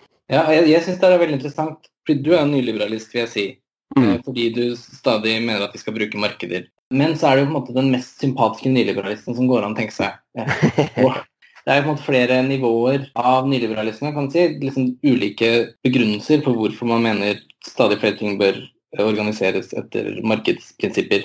Og det kan være Et av det liksom verste er en måte liksom sosialdarwinistiske. At liksom ulikhet og hierarkier og sånn, det er kjempebra fordi noen er bedre enn andre. Og det er bra, så må vi bare fortsette med det, sier de som er på toppen av som oftest. Eller at man kan si at ja, det er veldig bra med en markedssamfunn, fordi totalt, selv om det er kjempestor ulikhet i hierarkier, så er det totalt sett best for alle, sier de på toppen av det. Men så har man en liksom mer positive, som eksisterer noen steder i tidlig nyliberalisme også, som er mer en sånn påstand om at ja, men vi kan faktisk bruke markeder for å gjøre verden bedre. Vi kan kanskje til og med bruke markeder for å skape mer sosial likhet. eller noe sånt. Og der er jo du. Det er jo de gangene jeg liksom snubler over sånne avsnitt som går litt i den retningen, så blir jeg nesten litt rørt. For sånne som deg, da, som ønsker å bruke liksom, som vil være en slags progressiv nyliberalist, så jeg i hvert fall det må være verdt å reflektere over måten de argumentene til Hayek f.eks. rundt hva et marked er, hvorfor det er så utrolig sentralt og hvordan det fungerer, er jo utvikla som et alternativ til demokratisering og sosial rettferdighet, sosial likhet. Hvis du skal bruke det til det motsatte, så må du jo tenke nøye over hvordan det eventuelt skal foregå. Og noen Jeg leste her om dagen en klassisk artikkel av Torstein Dale, hvor han mente at uh, markeder er uh, gift på sosialismen. Okay. Det har, har funnes noe som heter markedssosialisme osv., som, uh, som Hayek jo debatterte mot i veldig stor grad. Og det, det er liksom argumentet til Torstein Dale og til uh, mange andre, og liksom mye av grunnen til at så mange på venstresiden er så skeptisk til nyliberalisme og til markedsløsninger, har jo med ulikhet å gjøre. At det er jo en mekanisme for den konkurranse. Det har jeg veldig opptatt av også, at uh, er, vi må ha konkurranseprinsipper som grunnlag for samfunnet, at folk skal konkurrere mot hverandre. Og da er det noen som taper, da det er jo ikke, ikke, nødvendigvis helt feil å si at det er en slags ulikhetsmaskin, da. Kanskje. Så hvis man bruker til å skape mer sosial likhet, så er jo det interessant. Men det mm. går jo på en måte litt på tvers av markedet, hvordan markedet har blitt forstått før. Da. Helt enig. Og det som er liksom, igjen, å ta liksom der hvor, sånn jeg tenker om dette, da, så tror jeg liksom jeg har en deling mellom. ikke sant? Du bruker uh, markedet for å tilgjengeliggjøre ikke sant? at det skal være flere som får muligheten til å bruke sine kapasiteter til å selge arbeidskraften sin eller selge et eller annet de sitter på for å gjøre seg selv bedre stilt. Så jeg på en måte kjøper den der at markeder muliggjør gjensidig bebyrdende avtaler og de insentiverer oss til å jobbe hardere enn det vi ellers ville gjort, finne på nye produkter osv., som har skapt den enorme velstanden vi har sett de siste 300 årene. Jeg kjøper den storyen der om markedets betydning eh, her og nå, for nettopp å muliggjøre for hvert enkelt menneske eh, å gjøre sin situasjon bedre, men også den der lange trenden i retning av eh, mer vekst. ikke sant? Så det er på en måte ene utgangspunktet mitt. Men så, jeg, så, deler jeg den tanken om at hvis du bare lar markedet fungere eh, hvis du bare liksom, Og igjen så er det vanskelig egentlig å forestille seg hvordan dette markedet ser ut. For jeg, jeg, er helt enig med deg i at det som er på en måte, det er jo det ærlige i den nyliberalismen du beskriver. At staten må inn og legge til rette for eiendomsforhold. Hva vil det si å eie en ting? Hvilke måte, rettigheter har du til den? Eiendom til ting kan være å ekskludere andre fra å bruke den. Det kan være å selge den videre. Eh, men det trenger ikke være slik at du nødvendigvis kan selge den videre. Det kan bare bety at du har eksklusiv bruksrett. Kanskje har du ikke eksklusiv bruksrett på hele, Eh, ikke sant? Du har serv, sånn der, hva heter det, servitutter eller noe sånt noe, som ligger på hvis du kjøper en bolig eksempel, hvor tidligere eier satte inn en grense om at du kan ikke bygge over eh, fire meter, f.eks. Så kan du ikke gjøre det, for da er det en begrensning på eiendomsretten din. Og det er masse da, juridiske konstruksjoner som ligger inni dette her, som eh, kan være på en måte enten mer tilgjengeliggjørende for hver enkelt, og du kan gjøre hva du vil med det du sitter på, eller så kan det være mange begrensninger på det. Så den biten kjøper jeg at liksom, her må staten inn og legge til rette for at dette markedet skal fungere sånn og sånn og sånn. Masse markedsdesign som eh, krever masse arbeid og krever masse tenk tenkning. Og derfor er jeg enig med deg også. Jeg kjøper ikke den Hayek-historien om at dette bare har utviklet seg som sånn evolusjonær prosess som ingen har vært med å designe. Det har vært masse konkret markedsdesign av selvfølgelig enkeltaktører i markedet. Masse markedsaktører som selv driver markedsdesign. Men det har også vært mange kongemakter og senere på en måte mer demokratiske samfunn som har drevet konkret utvidelse av markedet for å muliggjøre flere slike gjensidig byrdende avtaler. Men dette her nettopp kommer med ulikheter. Det gjør at sant, hvis stadig mer kommer i markedet, jo lettere vil det også være for de som først lykkes i dette markedet, av moralsk helt vilkårlige ting ofte. Du blir født med noen gener, vokser opp i familier whatever, som gjør det mulig for deg Kanskje arver du mye penger, som gjør det mulig for deg å tjene masse mer penger. Eller du bare har rett og slett flaks i markedet. Hvis noen satser på det, noen satser på det. Fra vårt ståsted akkurat nå, så er det like stort sannsynlig for at uh, Apple gjør det bra som Microsoft gjør det bra, men det er en bedrift som uh, kommer seirende ut, og så er det noen som da blir rike av helt tilfeldige grunner der også. Og det vi da trenger, er selvfølgelig progressiv uh, beskatning. Jeg prøver å tenke mye på hvordan vi kan skattlegge de som lykkes i dette markedet, mye mer for å nettopp både finansiere offentlige goder som kommer alle til gode, og de dårligst stilte mest til gode ofte, men også for å drive aktiv omfordeling i bånd. Og så er det et annet uh, ting man kan tenke på, som er ok, hvordan kan vi opprettholde den nordiske eller norske arbeidstakermodellen som sørger for så høy sysselsettingsgrad som overhodet mulig, sørger for lønnssammenpressing, kollektive lønnsavtaler, slike ting, ikke sant? Som også på en måte er tanken om å presse de beste ned og de dårligst stilte opp. Og det er jo her på en måte jeg har eh, sant, tatt inn og forsvart John Rawls. Er ikke, Rawls er ikke så viktig på en måte i min verden. Jeg bare syns han på en måte får ufortjent mye kritikk av eh, tidligere Audun Øfsti og Dag Østerberg, som er på en måte liksom deres besteforeldre i denne debatten her. Og nå tar dere på en måte stafettpinnen her og sier liksom John Rawls eh, på en måte, står også for den på en måte, iallfall Det er vanskelig å skille Rawls fra disse nyliberalistene, eller hva man skal si, da. Men han står tross alt for en ganske radikal posisjon, da, som sier ja, greit, tillat markeder der markeder er bra, men vi skal også drive en radikal omfordeling av økonomiske ressurser, og ikke bare after the fact. Vi skal prøve å legge til rette eiendomsforholdene på en måte som muliggjør at alle mennesker, og spesielt de dårligst stilte, skal få mulighet til å på en måte leve verdig liv. Da, ikke sant? Det er ikke bare du skal ha penger, du skal på en måte ha status i det samfunnet, du skal kunne stå ikke med lua i hånda, men stå og se noen rett inn i øya og på en måte ha verdighet. Det er det på en måte samfunnet vi jobber for. Og da tror egentlig ikke jeg det kan godt hende at det er feil, dette, jeg vil gjerne høre argumentet hvis du har det, om at markedet står i veien for det. Men jeg tror det er nettopp markedets innretning. At du skal stikke av med all den gevinsten du tilfeldigvis får i markedet. Nei, vi skal skattlegge mye mer av det. Og vi skal sørge for, gjennom ulike tiltak, sørge for at flest mulig får lov til å muliggjøre seg den arbeidskraften eller den kompetansen eller whatever de har. da. Sånn at de også kan stå med nettopp uh, rak rygg og hodet hevet og kreve det de har rett på og for så vidt uh, leve gode liv, da. Men er, er ikke på en måte, Nå er vi liksom inne i den normative filosofien her, da, som mm. bare synes jeg.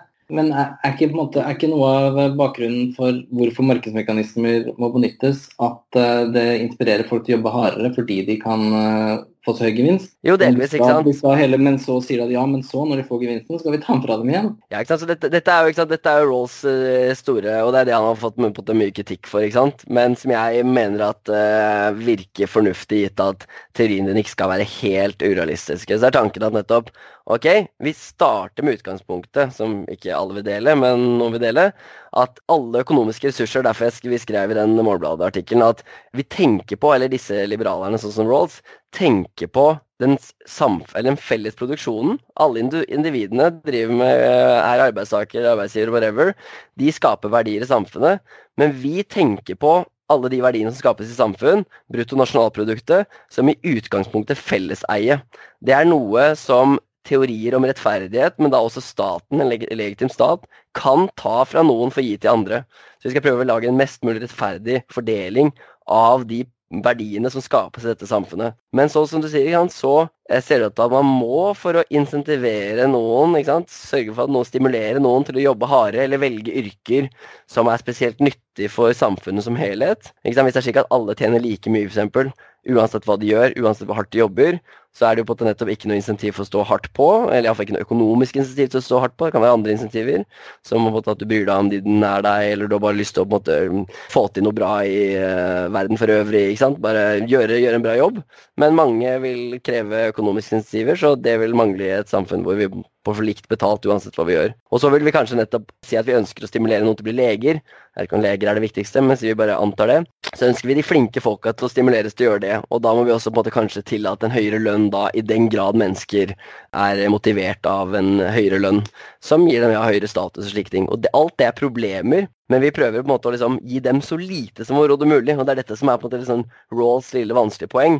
For noen tolker Rawls i den retning og sier at ok, så du tillater at de rike Det er Jerry Cohn har kritikk av uh, Rawls som sier at ok, det ser ut til at du tillater som en del av din teori om rettferdighet at de rike kan blackmaile samfunnet som helhet si du, jeg gidder ikke å jobbe som lege i ditt samfunn hvis ikke du gir meg mye mer penger, og at du nærmest kan liksom kreve så mye du vil. Men det som iallfall Roll sier, og det er på en måte kanskje en svakhet teori, men svaret, som jeg syns er ganske godt, sier at ok, vi skal bare gi insentiver, vi skal bare tillate litt mer lønn. Og vi skal gi den minste lønnen som er nødvendig for å stimulere til økt produksjon og for at de går inn i de rette yrkene. Så det er på en måte, det er ikke en sånn mulighet for på en måte bare enorme ulikheter.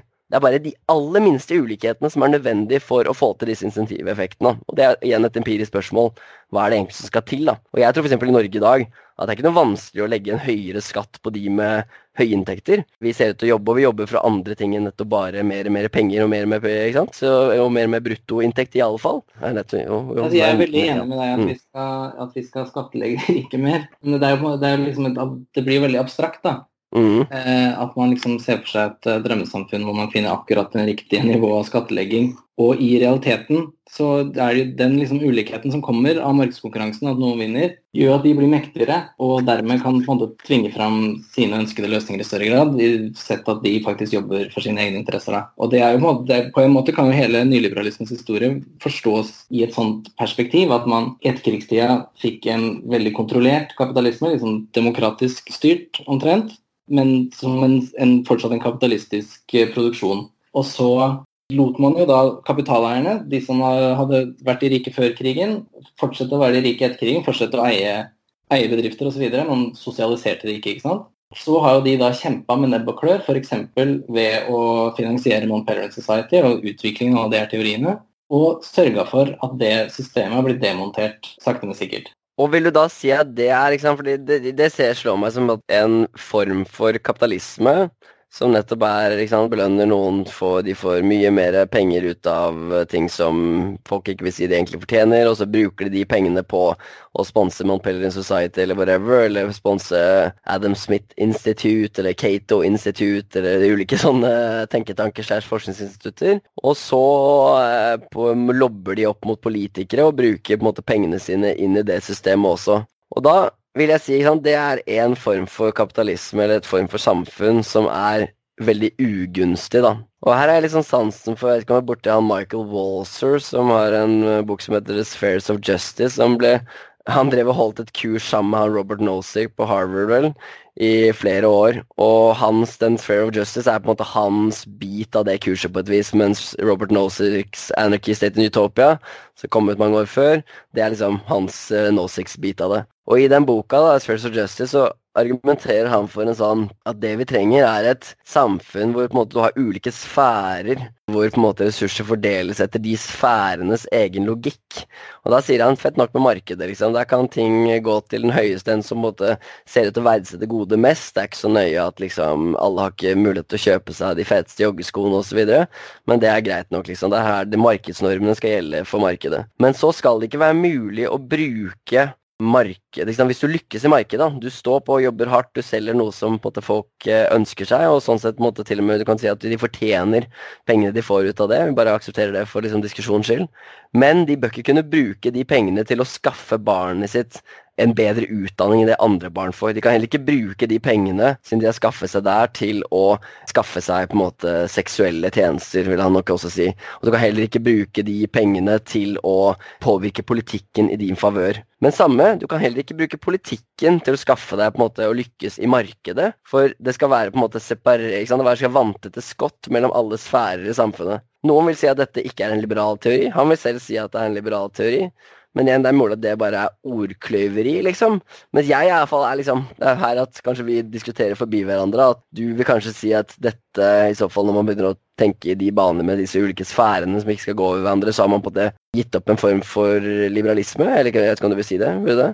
Vi vil si at Vår kritikk handler på en måte ikke om vår kritikk av sosialliberalismen sånn som vi har framført den i siste kronikken, handler mer om at det her er jo bare helt ekstremt abstrakt. Og har jo på en måte ikke så mye med med den virkelige politiske kampen å gjøre. Og Det hadde vært kjempefint hvis sosialliberalister liksom foreslo å jobbe aktivt for liksom forbud mot arv, eller alle typer ting. Hvis man faktisk mener, hvis man faktisk mener alvor med at man skal innføre sånne idealsamfunn. Da. Men det er jo ikke sånne ting som blir foreslått. Det er ikke sånne ting som kommer fra liberale politiske partier i det hele tatt. Men er det, men er det helt sant? For liksom, igjen så er det liksom, vi har to, Jeg er helt enig med deg at disse diskusjonene ofte blir veldig abstrakte. Og det er mulig at de ikke alltid heller informerer konkret politikk. Men som jeg nevnte i dette første essayet jeg skrev i Morgenbladet for to år siden, eller et år siden, var, så er det jo på en måte helt konkrete forslag som også kommer ut av på en måte politiske teoretikere, som er én ting, og det er på en måte ikke, ikke, det viktigste. Men da er det forslag som nettopp sånn Ok, vi ønsker et samfunn hvor mange flere av oss skal få muligheten til å få arv, da, ikke sant. Så nettopp sånn Arv er en uting, vil mange si. ikke sant? Mange liberale vil si det, mange ikke-liberale vil kanskje si at arv er en uting, men iallfall mange liberalere vil si det. Ok, hvordan kan vi løse det problemet? Jo, vi kan ha en høyere arveskatt, som jeg og mange andre har tatt til orde for. Og så kan du ha en kall det en borgerarv, som fungerer slik at liksom, ok, staten tar inn penger fra ikke bare gjennom den eh, arveskatten, men andre skatter også, og så gir du alle 18-åringer, eller hva det skal være, en eh, viss sum. ikke sant? Den kan være på 500 000, eller hva den kan være mer eller den kan være mindre. Det er ikke så nøye, på en måte. Men sånne konkrete forslag er det andre, og jeg og jeg har også foreslått uh, en sånn modell. da. Og så har vi på en måte mange andre ting, helt konkrete ting, som jeg mener faller ut av liberal teori, som har å gjøre med nettopp ok, kan vi øke inntektsskatten, eller som jeg har skrevet om i forbindelse med Radical Exchange-konferansen jeg var på nå i slutten av mars, men også da i løpet av denne boka, eller etter at jeg leste en bok av Radical Markets, som har mange forslag som er helt bunkers, helt åpenbart, men hvor en av grunnideene er å gjøre at vi på en måte i teorien eier alle eiendeler i samfunnet felles, mye mer direkte enn det Rolls tenker på med hvordan man skal fordele ressursene. Bare si greit, vi, i teorien er vi alle leietakere av staten. Den som er villig til å betale mest for å ha tilgang på de ressursene til enhver tid, f.eks. det huset der eller den eiendommen der, den skal få tilgang på det, men betale enormt mye mer skatt enn eller mer skatt enn alle de andre. Da, og mye mer skatt i, i, eiendomsskatt enn det man må gjøre i dag. Og igjen, dette her er jo på en måte veldig igjen Kanskje liksom du sier at det er teoretisk eller på en måte politisk umulig, og jeg er enig i begge de anklagene, men likevel så er det et helt konkret forslag som jeg vil si at er i tråd med en sosial liberalisme, som skal spille på lag med det beste markedet der å by på, men uten å skape enorme forskjeller mellom folk, da. Eh, ja.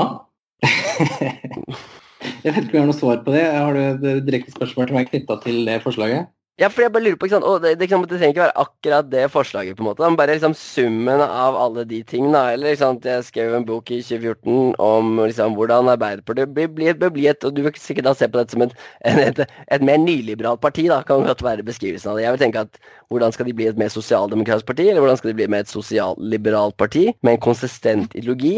Men det er jo nettopp å ta i bruk på en måte muligens noe mer markedsmekanismer på enkelte områder, men også f.eks. ha et annet uh, pensjonssystem som er rett, mer rettferdig fordelt, hvor de som uh, er slitere skal få, uh, og som er forventet å dø tidligere, skal få en mye mer sjenerøs pensjon enn de får nå og enn de fikk før arbeidsledighets som er bedre innrettet enn det vi har i dag, som ikke er, uh, gir dem tilstrekkelig støtte. Ikke sant? Du kan gå gjennom mange sånn politikkforslag som jeg mener faller ut av sosialliberalismen eller sosialdemokratiet, som er helt konkret politikk.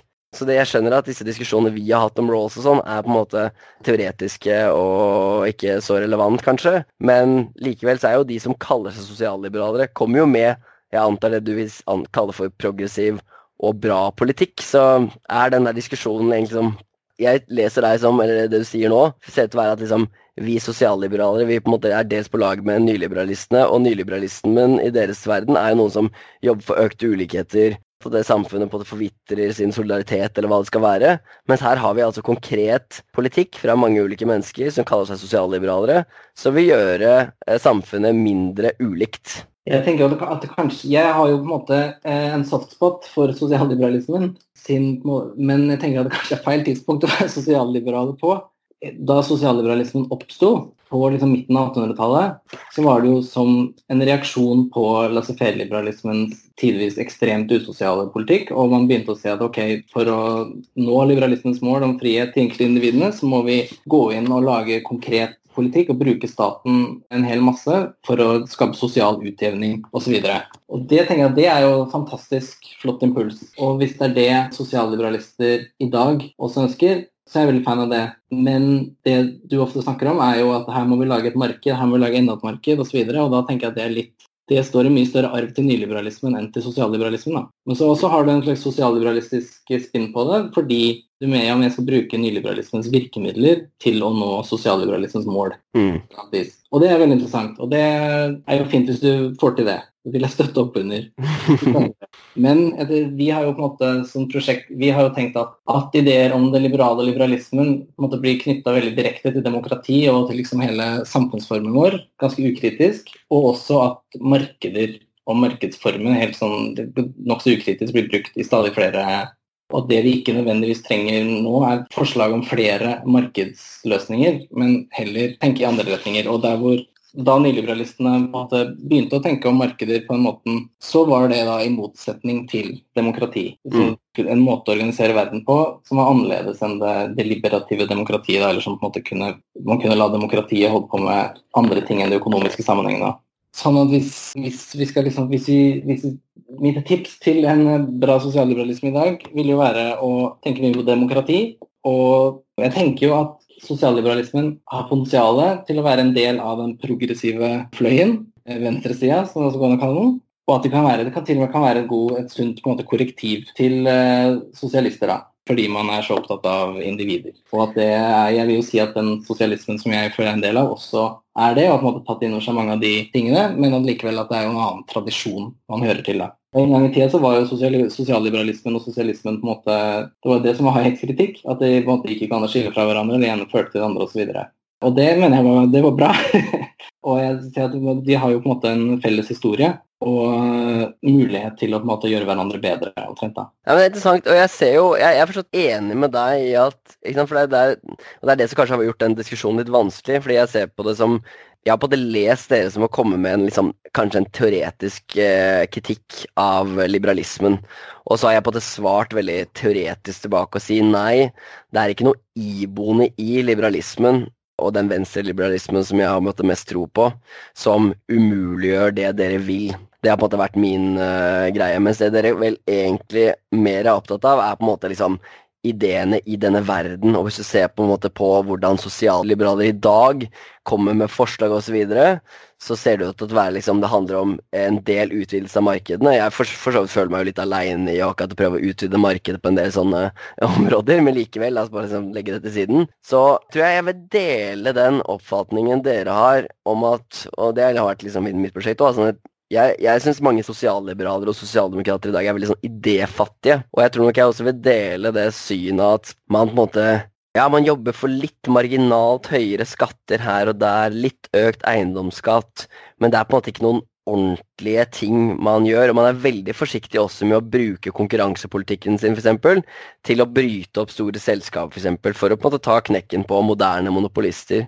Og det ser ut til å være mer og mer noe som på en måte, på en måte blir sett på som mindre og mindre av en umulighet. da, For å ta det der radical markets og radical exchange-greiene som jeg er opptatt av om dagen igjen, så er jo de nettopp opptatt av, veldig opptatt av å påpeke monopolisme. Eh, og sånn sett har de da helt åpenbart en da, link til nyliberalisme, som du påpeker. ikke sant? Så der har vi på en måte felles kamp, tror jeg egentlig alle, både fra kommunistene til eh, nyliberalerne. At du må på en måte bruke, du må ta, iallfall fall ta knekken på de private monopolistene. Det er på en måte én ting vi må få til. Men du kan gå et hakk det, lenger Det mente ja. jo på en måte tidlige nyliberalistene, men så på bakgrunn av den samme måte, tenkemåten om at markeder som grunnlaget for moderne verden, mm. så snudde jo Chicago-skolen fullstendig på det. ikke sant? Ja. Og sa at ja, men egentlig så er jo monopoler er jo et resultat av markedsmekanismen. på en måte. Da kan ikke vi komme her og si at vi vet bedre enn eh, markedsmekanismen, hvis hele poenget er å ha markedsmekanisme. Absolutt. Og det slår meg som på en måte at de kanskje de hadde på en måte litt rett i den ene siden av det. Så det er sånn at det er sånn, De hadde rett når det kommer til at eh, monopolisme kan være et resultat av at bare noen selskaper er utrolig flinke til å levere produkter på liksom, det folk ønsker seg. da. De leverer jævlig bra produkter. Vi ønsker egentlig at de skal være de eneste som leverer til oss, for de er så flinke. Men så glemte de kanskje det at når du er monopolist, så kan du ta enkelte grep for å på en måte forsterke din egen makt, presse ned lønninger, hva det skal være, eh, øke priser når du har på en måte utkonkurrert alle de andre mm, folka. da. Så det liksom Det var jo de som finansierte Chicago-skolen. Ikke sant. ikke sant. Helt enig. Og det er interessant den der eh, biten der hvor de liksom ble nettopp uh, mer på lag med storkapitalistene enn det de kanskje egentlig burde. da, For det var kanskje den sjarmerende impulsen med tidlig nyliberalisme. At de var villige til å si vi skal også ta knekken på private monopolister. Og så endte de med å bare si at staten var det på en måte som var problemet hele veien, istedenfor å nettopp se at uh, også de private kan være problematiske. Og da ser jeg en mulighet i dag da, som kanskje flere sosialdemokrater slash sosialliberalere bør gå, som er sånn Ok, er det Google leverer, er det Facebook leverer grunnleggende infrastruktur? Og lenge før dette Radical Markets og Radical Exchange kom på ballen, så har jeg tenkt mye på sånn hvor likt egentlig det vi står oppi nå, ser ut til å være sånn slutten av 1800-tallet. Hvor det blir på en måte utrolig store Da var det jo enkelte private bedriftseiere som eide hele byer, og som dermed på en måte Bedrifter er jo diktaturer, ille nok. Men så på en måte var det ikke liksom, Det var ikke bare det at du var liksom diktator innad i bedriften din, men du var diktator i en hel by og sto for all grunnleggende infrastruktur osv. videre, Og, og da ble det bare mer og mer absurd at ikke liksom Ok, nå er du nettopp diktator her. Det går ikke. Det er ikke i tråd med våre måte, demokratiske prinsipper. Nå må på en måte borgerne i denne byen få kontroll over dette her. Kanskje må også staten begynne å ta kontroll over disse eh, grunnleggende infrastrukturen, som om det er vann eller olje, eller om det er eh, jernbane. ikke sant? Og du kan tenke deg Det er jo litt ja. hvordan man bygger den motmakta da, til å ja. få til det. Det er ikke bare mm. liksom, noe man bestemmer seg for. Man sier at ja, her ser jeg på en måte et problem med planen. Det handler jo også om makt og hvordan man klarer å organisere for å få til ting her. Enig. Og Der er vi på et helt helt annet sted nå enn vi var i mellomkrigstida, med tanke på fagbevegelsens makt. Enig. Men der igjen så, for der igjen så tror jeg sant, vi har da liksom den, vi kan være enige om det, og at det kanskje er noen sånne steder her som man må drive, som staten må gå inn, eventuelt andre kollektive aktører som er mer demokratisk, eh, har mer demokratisk fotfeste, som er inne på å ta kontroll over grunnleggende infrastruktur. Det er spennende. ikke sant? Det kan vi da kanskje være enige i at det er noe som sosialliberalere har gjort for dårlig, men som de bør se på nå mer ærlig. Men så sier du, ikke sant, så trenger vi motmakt. Og dere skriver hele tiden i deres innlegg at det, i liberalismen så er det ikke noen rom for på en måte kollektiv organisering eller på en måte kollektiv motmakt eller solidaritet eller hva det skal være. Men det er også veldig fremmed for meg. for der, Men det er mulig at der igjen jeg blir teoretisk. at jeg tenker, Det er jo det hele opplegget er bygd på. Der det er makt, så må du ha motmakt. Derfor er liberalere for fagbevegelse. Derfor er liksom Så jeg skjønner ikke jeg er liberaler for fagbevegelse. Det blir jo en merkelig definisjon av liberaler etter hvert. da. Hvilke liberaler er det tenkt på da? Jo, så Da tenker jeg nettopp på sånn disse sosialliberalerne som jeg er opptatt av, som er sånn om det er John Rolls eller uh, andre i den leia der, om det skulle være som Dworkin eller um... Men liksom de som kaller seg liberalere i politikken, da, de er jo ikke for fagbevegelser. Nei, så jeg, er enig at, jeg er helt enig at det skjedde noe. ikke sant? Jeg vet ikke noe med radikale venstre, men venstre i norsk politikk har jo fått av en eller annen merkelig grunn har jo fått veldig det kan hende at de nettopp er redd for makt i alle former. At de sånn sett er mer grunnleggende nyliberalere enn det sosial, sosialliberalismen egentlig har hatt. Da, ikke sant? Og Hvis du går tilbake til tidlig sosialliberalisme, så var det jo helt åpenbart at det var det som var altså, veldig mye av pakka. Altså Det mm. er iboende maktforskjeller i arbeidsmarkedet. Det må Det er ikke slik at arbeidsmarkedet er som alle andre markeder. Det er mennesker som selger sin arbeidskraft. Det er mulighet for arbeidsgiver til å dominere arbeidstakerne. Det er en reservearbeidsstyrke der ute som gjør at hver arbeidstaker blir redd for å miste jobben, og kan dermed utnyttes på arbeidsplassen. Det ja, I politikkens verden er jo ikke det her et liberalt uh, syn du forfekter nå. Nei, ikke sant? Det, det er interessant. ikke sant? Så da, sant, vi, da, da, har vi, da, har vi, kommet litt nærmere. For da vil dere kritisere nettopp det som da er liberale partier, eh, bl.a. som Venstre i Norge, som kanskje ikke helt alltid ser dette her. Mens jeg vil si liberalismen, både tidlig sosialliberalisme og også for senere liberalisme, har dette i seg, og det er ikke noe i veien innad i den idéretningen som jeg på en måte er inspirert av, som har noe imot kollektiv organisering. Ok, bra. Ja, fordi, vi har jo flere, det er jo mange forskjellige kritikker. Det er jo en antologi med ti forskjellige bidrag, pluss et uh, mye omtalt forord. Og, og, og, det er jo et eget kapittel hvor Paul Drægstad eller jeg vet ikke hvordan navnet engang, hvor han kritiserer John Rolls. Og det handler jo ikke om fagforeninger, ikke sant? det handler om noe helt annet. Ja, det er en retning innenfor politisk filosofi som eh, skal være mer realistisk, jeg virker å være hans uh, kritikk. Og det har ikke jeg heller forstått noe imot. Det kan godt at den jeg er fortsatt veldig sjarmert av den kritikken mot disse. nettopp veldig sånn, Vi må finne hva som er ideal just før vi kan begynne å bevege oss mot uh, urettferdighet her i verden i dag. Og jeg tror nok sånn at jeg er mye mer sjarmert av de som sånn sett bare er litt mer sånn OK, identifiser urettferdighet rundt deg. Altså, det er det vi gjør. ikke sant? Og det er det, det, er det vi også kanskje kollektive bevegelser har greid å samle seg om. Så liksom, det kan være forstått, en fair kritikk av Rawson. Det er ikke noe det er bare sånne folk som meg og deg kanskje til en viss grad, og andre på en måte som er, liksom, er eh, liker å sitte på universitetet og, tenke på ideer, som greier å samle seg rundt venstreliberalismen. Mens eh, de fleste andre ser konkret urettferdighet og sier nå er kvinner undertrykt. Kvinner er ikke likestilt som menn. Eventuelt nå er svarte undertrykt. De har ikke stemmeretten. Det er en konkret urettferdighet vi skal jobbe mot. Og det er mulig at det er kanskje noe som liberalere bør ta mer inn over seg. da, At de har blitt en kanskje delvis en styringsideologi som forutsetter nærmest at du har kontroll over statsapparatet. Og selv når du har statsapparatet, så bruker du ikke makten din til å faktisk drive så sosialliberal politikk som jeg gjerne skulle ønske. da. Jeg mener man skulle vært mye mer egalitær enn det man er. Men det man kanskje burde lære, det er nettopp liksom, av de konkrete sosiale bevegelsene, hvordan de faktisk har gjennomført, fått fram politiske endringer ved å nettopp se på konkret urettferdighet i verden. Altså, det tror jeg jeg vil kjøpe.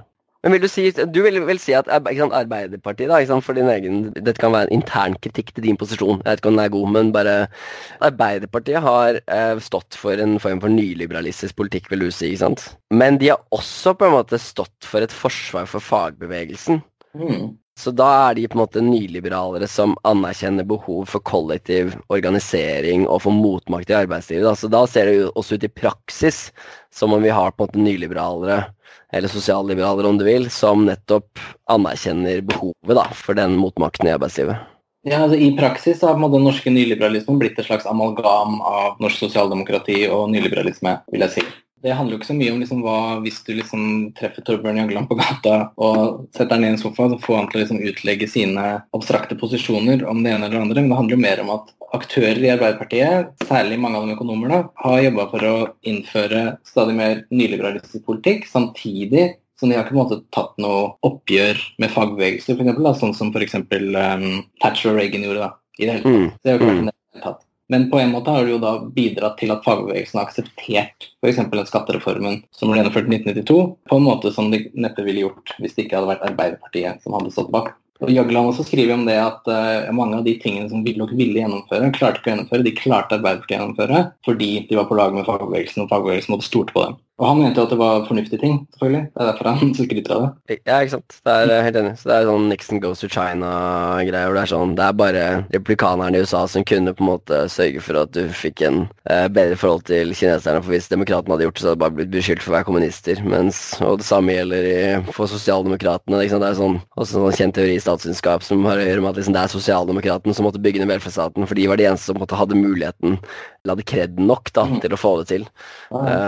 Uh, det Australia for eksempel, da, har det vært Labour-statsminister som sørga for gjennomføring av veldig mange nyliberalistiske reformer. Som hvis det hadde vært en konservativ eh, statsleder som hadde stått bak, så ville det mobilisert mye mer motstand. Mm. Jeg, jeg, tror, altså jeg, For meg er det litt åpent spørsmål. Jeg må innrømme at jeg ikke helt er sikker. Det er jo alltid veldig lett i etterkant å begynne å se på hvor, eh, hvor, var det dette her ikke gikk så bra, og hvor ble det for mye marked, og eh, hvilke markedsmekanismer i offentlig sektor har ikke fungert. Og jeg mener at det er, det er teoretiske grunner til at eh, markedsmekanismer i offentlig sektor kan være utrolig dårlig. Som type ok, begynne å innføre mål- og resultatstyringssystemer i Så på en måte erstatter du nettopp Det er sånn ikke-hayekiansk måte å tenke på. Det er sånn ok, vi har masse flinke byråkrater. Norge er så heldig at vi har et så godt byråkratsystem som vi tross alt har.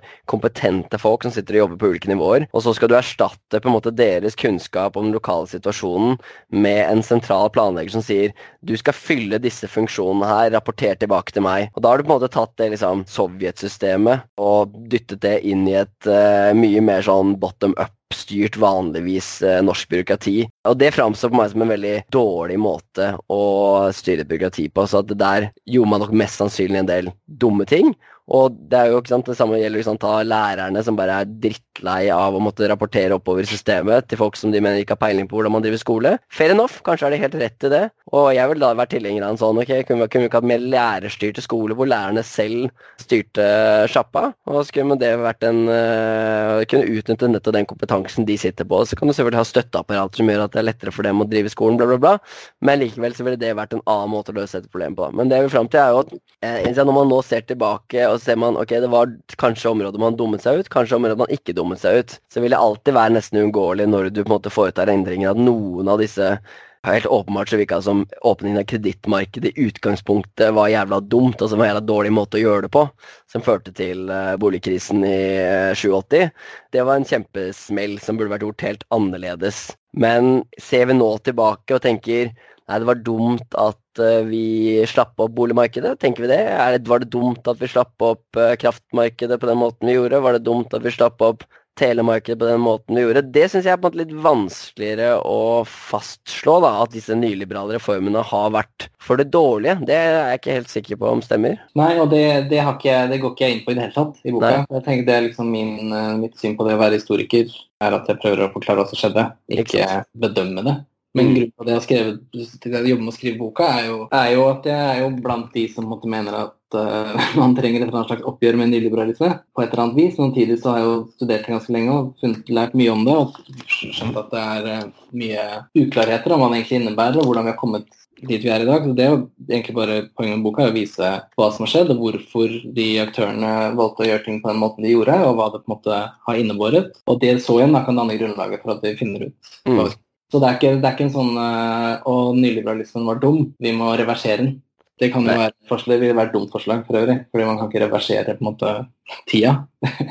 men uh, det handler ikke om å Det, det er jo geokritisk, liksom, det er derfor jeg har skrevet boka, men det er ikke noen liksom, eksplisitte forslag om hvordan ting burde vært gjort annerledes, eller hvordan vi skal gjøre det nå, for den saks skyld, men det er kunnskapsgrunnlag da, for å komme mm. fram til bedre måter å gjøre det på nå fremover. Det er trevelig.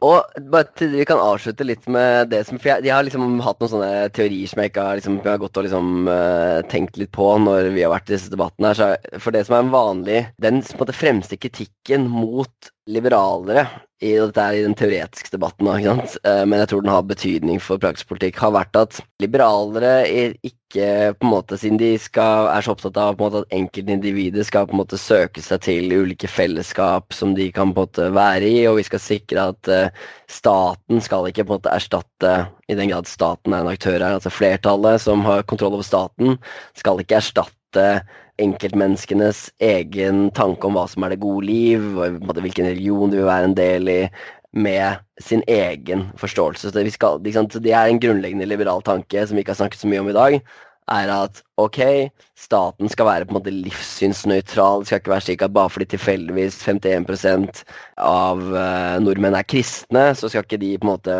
påtvinge den religionen på andre borgere som er muslimer eller jøder eller eh, ateister. Og det er en sånn grunnleggende en måte, toleranse som ligger i liberalismen. Men så er det jo mange som da har kritisert det, som de kaller seg gjerne kommunitarister. Og jeg vil tippe at Audun Øfsti og kanskje Dag Østerberg som var sånn kommunitarister. Og en annen kjent uh, kommunitarist er jo Michael Sandell. Uh, og det de kritiserte liberalerne for, var jo da at liksom Nei, samfunnet på en måte må altså, Vi trenger hele tiden å ha diskusjoner om på en måte, hva er det gode liv.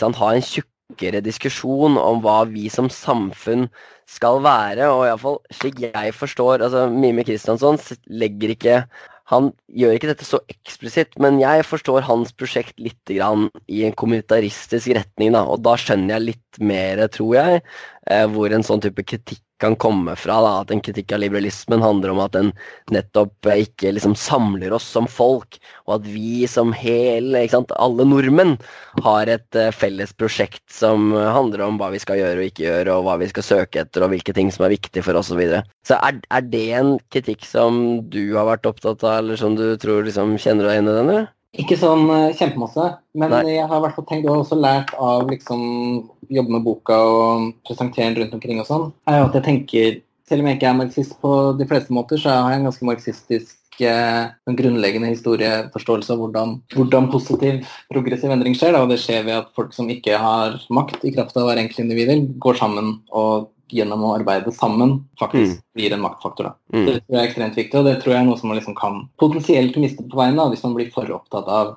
uh, hvor utrolige individer vi er. Mm. Så er det en vanskelig balanse ikke sant, å få til, men jeg tror at den evnen til å bygge et politisk subjekt, eller et handlende kollektiv, er helt sentralt. Nettopp fordi jeg ikke tror at uh, liksom, fattige blir mindre fattige av at noen bestemmer på et universitet i USA, eller noen, noen på et universitet i USA kommer opp med en god teori om hvordan samfunnet burde være Mm. blir det ved å organisere seg og kjempe for sine rettigheter sammen. Da. Og, da, og det er jo det liksom venstresida sliter med i dag, er jo å bygge det subjektet når liksom den såkalte arbeideren Det er færre som identifiserer seg som arbeidere. Og man har ikke det liksom stor, klarer å bygge noe flertall på bakgrunn av det lenger, så man må finne andre måte, organiserende, motiverende identiteter som man på et eller annet vis kan organisere rundt. Og Mm. der tenker jeg jo liksom at liberalistiske tida vi er i og har vært gjennom, kan være liksom et veldig nyttig korrektiv til venstresida. Og at eh, det, er en grunn, det er mange som ikke har klart å finne seg til rette i det politiske subjektet man har hatt før. Fordi de har vært skeive eller fordi de har vært kvinner eller eh, alle mulige grunner. At man klarer å lage et politisk subjekt som på en måte tar inn over seg den individualistiske kritikken på et eller annet vis. da. Samtidig klarer å skape nok fellesskap til at man kan få gjort ting sammen. da. Det er jeg helt enig i, og det er kanskje, som du sier, litt sånn vanskelig, da. Jeg husker jeg leste um, Stein Rokkan på statsvitenskap uh, back in the days, og da var det veldig tydelig for meg, for da har du på en måte nettopp partidans i Norge, da, og for så vidt alle andre, eller veldig mange andre land nå, som er sånn Ok, du har to partier, eller Venstre dannes i første rekke for å kjempe mot kongens uh, vetomakt, ikke sant? Og for å på en måte kjempe for uh, folkelig representasjon. Og så lenge det er den sentrale kampen, så er det ikke rom for andre partier på et vis. ikke sant? Det er sånn, Den kampen må vinnes, for den er så sentral og så på en måte identitetsformende. da, Det er det som blir aller viktigst. Og da kan vi, mange av oss, samles om den kampen og så bekjempe kongemakten, eh, om du har lyst til å si det på den måten. Men så er det bekjempet, og vi får parlamentarisme. Og da åpner lukene seg for andre kamper, da. Ikke sant? Og da splittes jo Venstre ganske kjapt. Sosialdemokratene kommer i Arbeiderpartiet. Og så kjemper man for Ok, og så er det på en måte i veldig stor grad arbeiderne. Ikke sant? Arbeiderne har en eller annen beef med kapitalistene, og det blir veldig, veldig sentralt. Og så på en måte i stor grad vinnes den kampen nå, ikke sant? og kvinnene helt åpenbart ser på det litt simultant her. Så er på en måte, men så er det spørsmålet hva er vår da, kamp i dag? Og det er mulig at flere av oss blir på en måte litt for tilbakeoverskuende og på en måte jobber med gamle identiteter. Og vi har på en måte ikke satt oss ned og tenkt liksom Ok, hva er det faktisk som forener ganske mange av oss? Og kanskje er det noen ganger ikke relevant å snakke om at det trenger å forene 51% av oss, fordi et mindretall i USA kunne kjempe for å bedre rettighetene til de svarte. Eh, ikke sant? Et mindretall av transkvinner kan kjempe for det, osv. Eh, men vi trenger et eller annet som forener oss, som kanskje går utover de kampene likevel. Da. Men hva er det faktisk vi da skal kjempe for som er felles? Har du noe forslag til liksom, hva det politiske subjektet skal bestå av? Det er vanskelig, men det er jo det, er jo det å være menneske, da. Ja. Det er der vi må begynne, tror jeg. Hvem er det vi kjemper mot? Det er kanskje jeg Ja, det, det, det er kjemper mot. det, men, det, eh, historien viser jo at uh, en vellykket kamp er avhengig av uh, en klart definert motstander. Og da kan det jo ikke være alle mennesker heller. Det, er- ja, det, er, det er jeg har hatt litt sånn tro på, men jeg mener at det, det er ikke en så rettet kamp. da, Men det som har vært liksom litt av mitt prosjekt, har jo vært å på en måte løfte fram det noen kaller sånn ny, den nyrepublikanske tradisjonen uh, innenfor politisk filosofi, og gjøre det mer på en måte konkret. Da, ikke sant? Så Hva er det sosialdemokrater og andre bør kjempe for? Og jeg har på en måte vært opptatt av frihet, men det har egentlig ikke vært liksom ikke sant? Det er to måter å se det på. Det kan være frihet, men det kan også være makt. Ikke sant? Det har å gjøre med å på en måte bekjempe makt i alle dets former. da. Og da kan det være ikke sant? Så det som kan være felles på en måte prosjekt vi alle har, er at vi skal på en måte, vi skal alltid ta laget til den, eh, den svake stilte i den konkrete relasjonen. Så ikke sant, i den grad eh, det har vært kvinner, og i den grad det fortsatt er kvinner i relasjonen mellom menn og kvinner, om det er i ekteskap eller andre steder, så er på en måte jobben til et sosialdemokratisk parti eller en sosialdemokratisk bevegelse handler om å frigjøre eller utjevne den maktskjevheten som ligger der allerede. Og den maktskjevheten kan jo komme av lovregulering, men det kan også komme av kultur, sant, forventninger osv. Så, videre. så er, det er det som er prosjektet der. Men så har du også mange andre slike maktskjevheter som vi har vært innom sant, i arbeidslivet, hvor det er en systematisk maktskjevhet mellom arbeidsgiver og arbeidstaker, som alltid krever en motmobilisering av makt, og fra statens side å legge til rette for at den svake siden får eh, maktressurser til å eh, jobbe for seg selv. Og så har du andre, og jeg er mer kontroversielt, ok, eh, noen er prostituerte i vårt samfunn, hvordan kan vi styrke deres situasjon også? Og da vil noen si at dette er et nyliberalt prosjekt. Kanskje. ikke sant? Det handler om å på en måte legge til rette for et regulert marked også der, slik at de kan fagorganisere seg, slik at de kan slippe å bli kasta ut av leiligheten sin fordi det er ulovlig gitt hallikparagrafen å leie ut til prostituerte, for da er du med på å tjene penger på den eh, virksomheten. Ikke sant? Alle de problemene der. Det vil jeg bli kvitt. Og jeg ser det som et sosialdemokratisk prosjekt som handler om å utjevne den maktskjevheten som ligger der, da, at du allerede er utrolig sårbar og svak. Samme gjelder i rus, eh, ikke sant? hvor noen mennesker driver med ulovlige rusmidler, andre driver med ulovlige rusmidler. Og det gjør dere så lenge det er forbudt, så er det en enorm belastning på dem som er de mest sårbare i vårt samfunn. Så hvordan kan vi ha som et felles prosjekt i sosialdemokratiet, andre også kan være med på dette her, med å styrke alle de som er svake stilte i alle de relasjonene de består i, da. Og det ser jeg på, jeg vet ikke om det er mulig å samle alle, fordi det er som folk har oppheng i konkrete ting, ikke sant. Andre, noen hater prostitusjon, andre hater eh, ulovlige rusmidler, og da er det kanskje ikke så lett å få det med på det, men jeg syns iallfall det er en liksom det virker på meg som om noe man kan samles om, da, og for så vidt en, uh, også um, uavhengig av det, en attraktiv uh, liksom, politisk ideologi da, å kjempe for. Hmm. interessant. Jeg tenker at det må ha noe med kapitalismen å gjøre. da, Man forholder seg til det på et eller annet vis. At det er ikke noe man bare kan ignorere som tingenes tilstand, eller ja. naturgitt forutsetning for hvordan samfunnet er. Det er jeg enig i. Og da har jeg en siste ting. Jeg har en sånn, mitt siste innlegg i Dagbladet, som eh, Nå er dette en fredag vi spiller inn dette her, men da denne podkasten kommer ut, så kommer det innlegget til å være publisert. handler om hvorfor vi ikke har flere arbeiderstyrte bedrifter.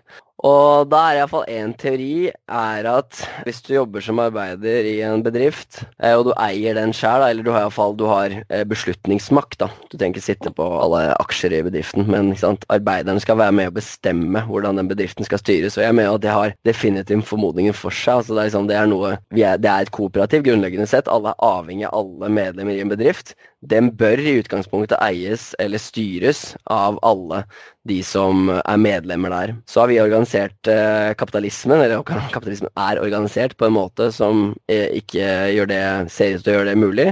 Det er diktaturer som er på en måte standarden i arbeidslivet. Og det er jo et helt åpenbart igjen mål for sosialdemokrater, selv om de har gitt opp den kampen, men også for sosialister kanskje, og noen kommunister, og sørge for mer demokrati i arbeidslivet. Du har vært innom det så vidt i denne samtalen her. Men så er spørsmålet hvorfor ikke vi har greid det. da, Hvorfor har vi ikke greid å skaffe mer demokrati på arbeidsplassen? Og noen sier at nei, det er fordi eh, arbeidere, altså de arbeidsskjørte bedriftene de eh, funker ikke fordi de tar ut for høy lønn og de sparer ikke nok penger og investerer ikke nok i bedriften og sånn, men det forutsetter på en måte en grunnleggende irrasjonalitet hos arbeidstakerne. Mens det som er uh, mine to helter, uh, Herbert Gintis og Samuel Bowles, som er økonomer og tidligere var sånn, sånn marxistiske økonomer, de kommer med en annen teori som går ut på at problemet ligger i at når du har et system, et kapitalistisk system hvor du trenger kapital hentet utenfra, og det trenger man kanskje i alle systemer, så det er ikke sikkert at det er liksom bare vår kapitalisme, men den er på en måte styrt iallfall på den måten, så trenger du på en måte skaffe penger av en bank eller av aksjonærer. Og bankene og aksjonærene de har en annen risikoprofil enn den bedriften, konkrete bedriften. Fordi Hvis du jobber i bedriften, så har du på en måte alle eggene i en kurv. Så du ønsker å ta en lavere risiko. Du ønsker ikke å måtte gamble med bedriften din. Den må jo overleve, det er det viktigste for deg. Mens for banken eller aksjonærene, for de har jo investert i flere bedrifter, ikke bare din, så de vil gjerne at du tar en høyere risiko for å få en høyere avkastning. Og det gjelder jo egentlig alle bedrifter, det gjelder ikke bare arbeidsgivere bedrifter. Men siden da kreditor ikke har muligheten til å ha kontroll over Han kan ikke påføre sin risikoprofil på den bedriften. Så de trenger en måte å være sikker på at de, den bedriften faktisk følger kreditors risikoprofil. Og dermed så vil de bare gi penger, iallfall penger på gode satser, til de diktatorstyrte bedriftene. Mm. fordi da slipper de å kontrollere en arbeiderstyrt bedrift, som er mye vanskeligere å kontrollere. Så de vil kontrollere den daglige lederen. Han kan de holde i ørene, gi bonusordninger osv. Så, videre, så han følger deres pipe, mens det kan du ikke gjøre med arbeidsstyrte bedrifter. Og dermed så tømmes på at arbeidsstyrte bedrifter for kapital i utgangspunktet, og de vil ikke lykkes i konkurransen. da.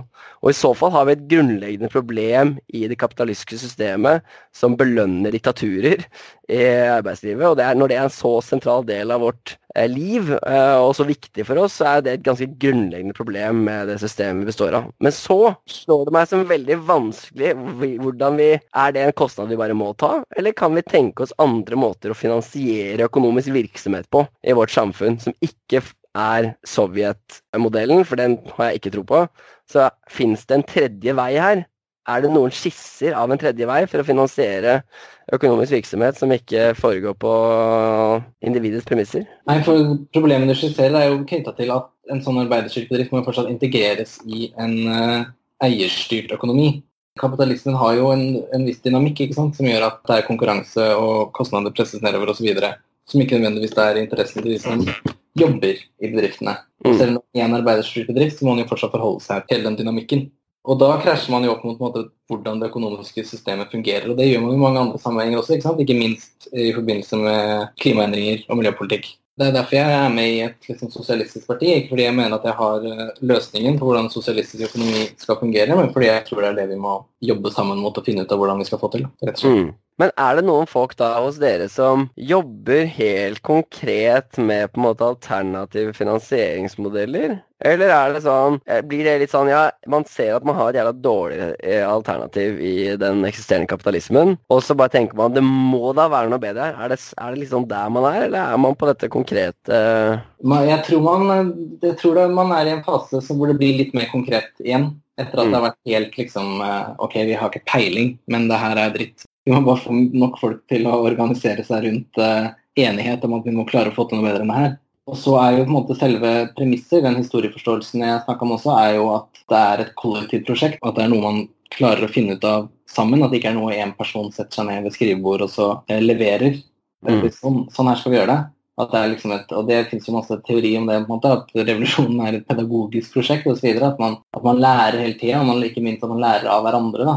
Mm. At man finner ut hvordan man skal få det til å fungere. Men etter hvert som liksom Rødt blir større og Alexandra Ocasio Cortez blir mer berømt osv., så, videre, og så, videre, så det, kommer det jo stadig flere liksom, artikler om, med liksom litt mer konkretisering. Hva må gjøre det, hva må gjøre det. Er dette en mål, og hvordan er liksom veien fra en kapitalistisk økonomi til den andre? Hva er det første skrittet, osv. osv. Det er ikke sånn at det ikke fins liksom, tanker om det her. Men jeg tror jo alt, liksom, all den tenkinga er jo basert på en ganske stor ydmykhet, da, både med tanke på historiske erfaringer, selvfølgelig, men også med tanke på at man forstår jo på en måte enormiteten i eh, det prosjektet man er med på.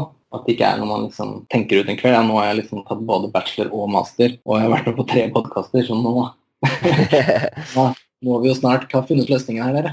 Ikke sant. Nei, det slår meg som ikke sant, Det høres veldig riktig ut. Det, du virker på en måte ikke sant, Du er sensitiv overfor på en måte um, det totalitære problemet, da. Altså på et vis, da, for å sette det veldig, veldig Gjøre det litt tabloid. Ikke sant, at det er man har dumma seg ut før, og for så vidt sant, eh, problemene med rigiditeter i et system da, som skal være styrt fra toppen. Det er jo egentlig ikke den sosialistiske fortellingen eller sosialistiske idésystemet, og heller kanskje i en del sosialistisk praksis, så er det jo på en måte enkeltmenneskene. Det er frigjøringen og det å bygge på en måte samfunnet fra bunn, som jeg ser på som liksom den virkelig attraktive kvaliteten ved det eh, systemet, og så har det dessverre på en måte i, i mange tilfeller endt med å bli statsmodeller. da, Veldig sterke, liksom. Staten skal styre veldig veldig mye. Og det skyldes kanskje, altså dette er bare vill spekulasjon som jeg burde sikkert ha gjort mer hjemmelekse på, men at det kan være sånn når kapitalismen er et såpass stort system, da, og så sterkt system, så er det bare på en måte staten som kan knekke det på et vis. Og dermed så vil på en måte sosialister ofte måtte ty til, eller de føler seg tvunget til å ty til statsapparatet for å ta knekken på det. Og det er da alle disse totalitære impulsene kommer fram, da. Men det er der jeg tenker at det kanskje er en Igjen, nå har jeg nevnt dette Radical Exchange mye i denne samtalen uten å måtte legge så mye hva det, hva det er, da. Med liksom, det, den sånn gjengen av folk der som driver og tenker i det rommet der, de jobber jo veldig mye for å prøve å skaffe liksom bottom up-løsninger. Og så vil man jo alltid måtte forholde Staten må inn, for du må designe markedet, og du må lage en skattepolitikk osv.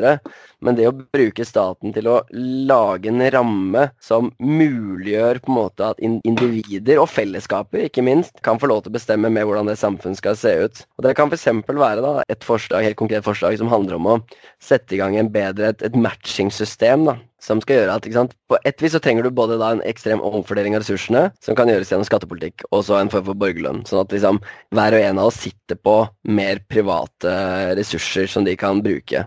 Men sant, det er ikke nok. fordi sant, i dagens system, i kapitalismen, og du har kapitalismen på den ene siden, og så har du demokrati på den andre, så hvis du bare går ut av og kjøper deg ting i markedet, så vil du på en måte bare få individuelle goder tilbake. Du får kjøpt deg en større TV og kjøpt deg kanskje flere flyreiser og whatever du på en måte ønsker deg. Men det er ikke det vi egentlig ønsker. Vi ønsker på en måte å legge til rette for at individer også skal få muligheten til å finansiere flere av de fellesgodene som de ønsker å ta del av. Det kan være sånn som her i Oxford, så har vi rett borti her en sånn eh, offentlig eh, svømmebasseng, utebasseng. Veldig flotte greier. Det er ikke alle som har det. Kanskje er det noe man ønsker i nabolaget, liksom. Et fellesbasseng. Ok, Men hvordan kan vi egentlig få igjen det? Jo, du kan stemme i lokalvalget, bla, bla, bla.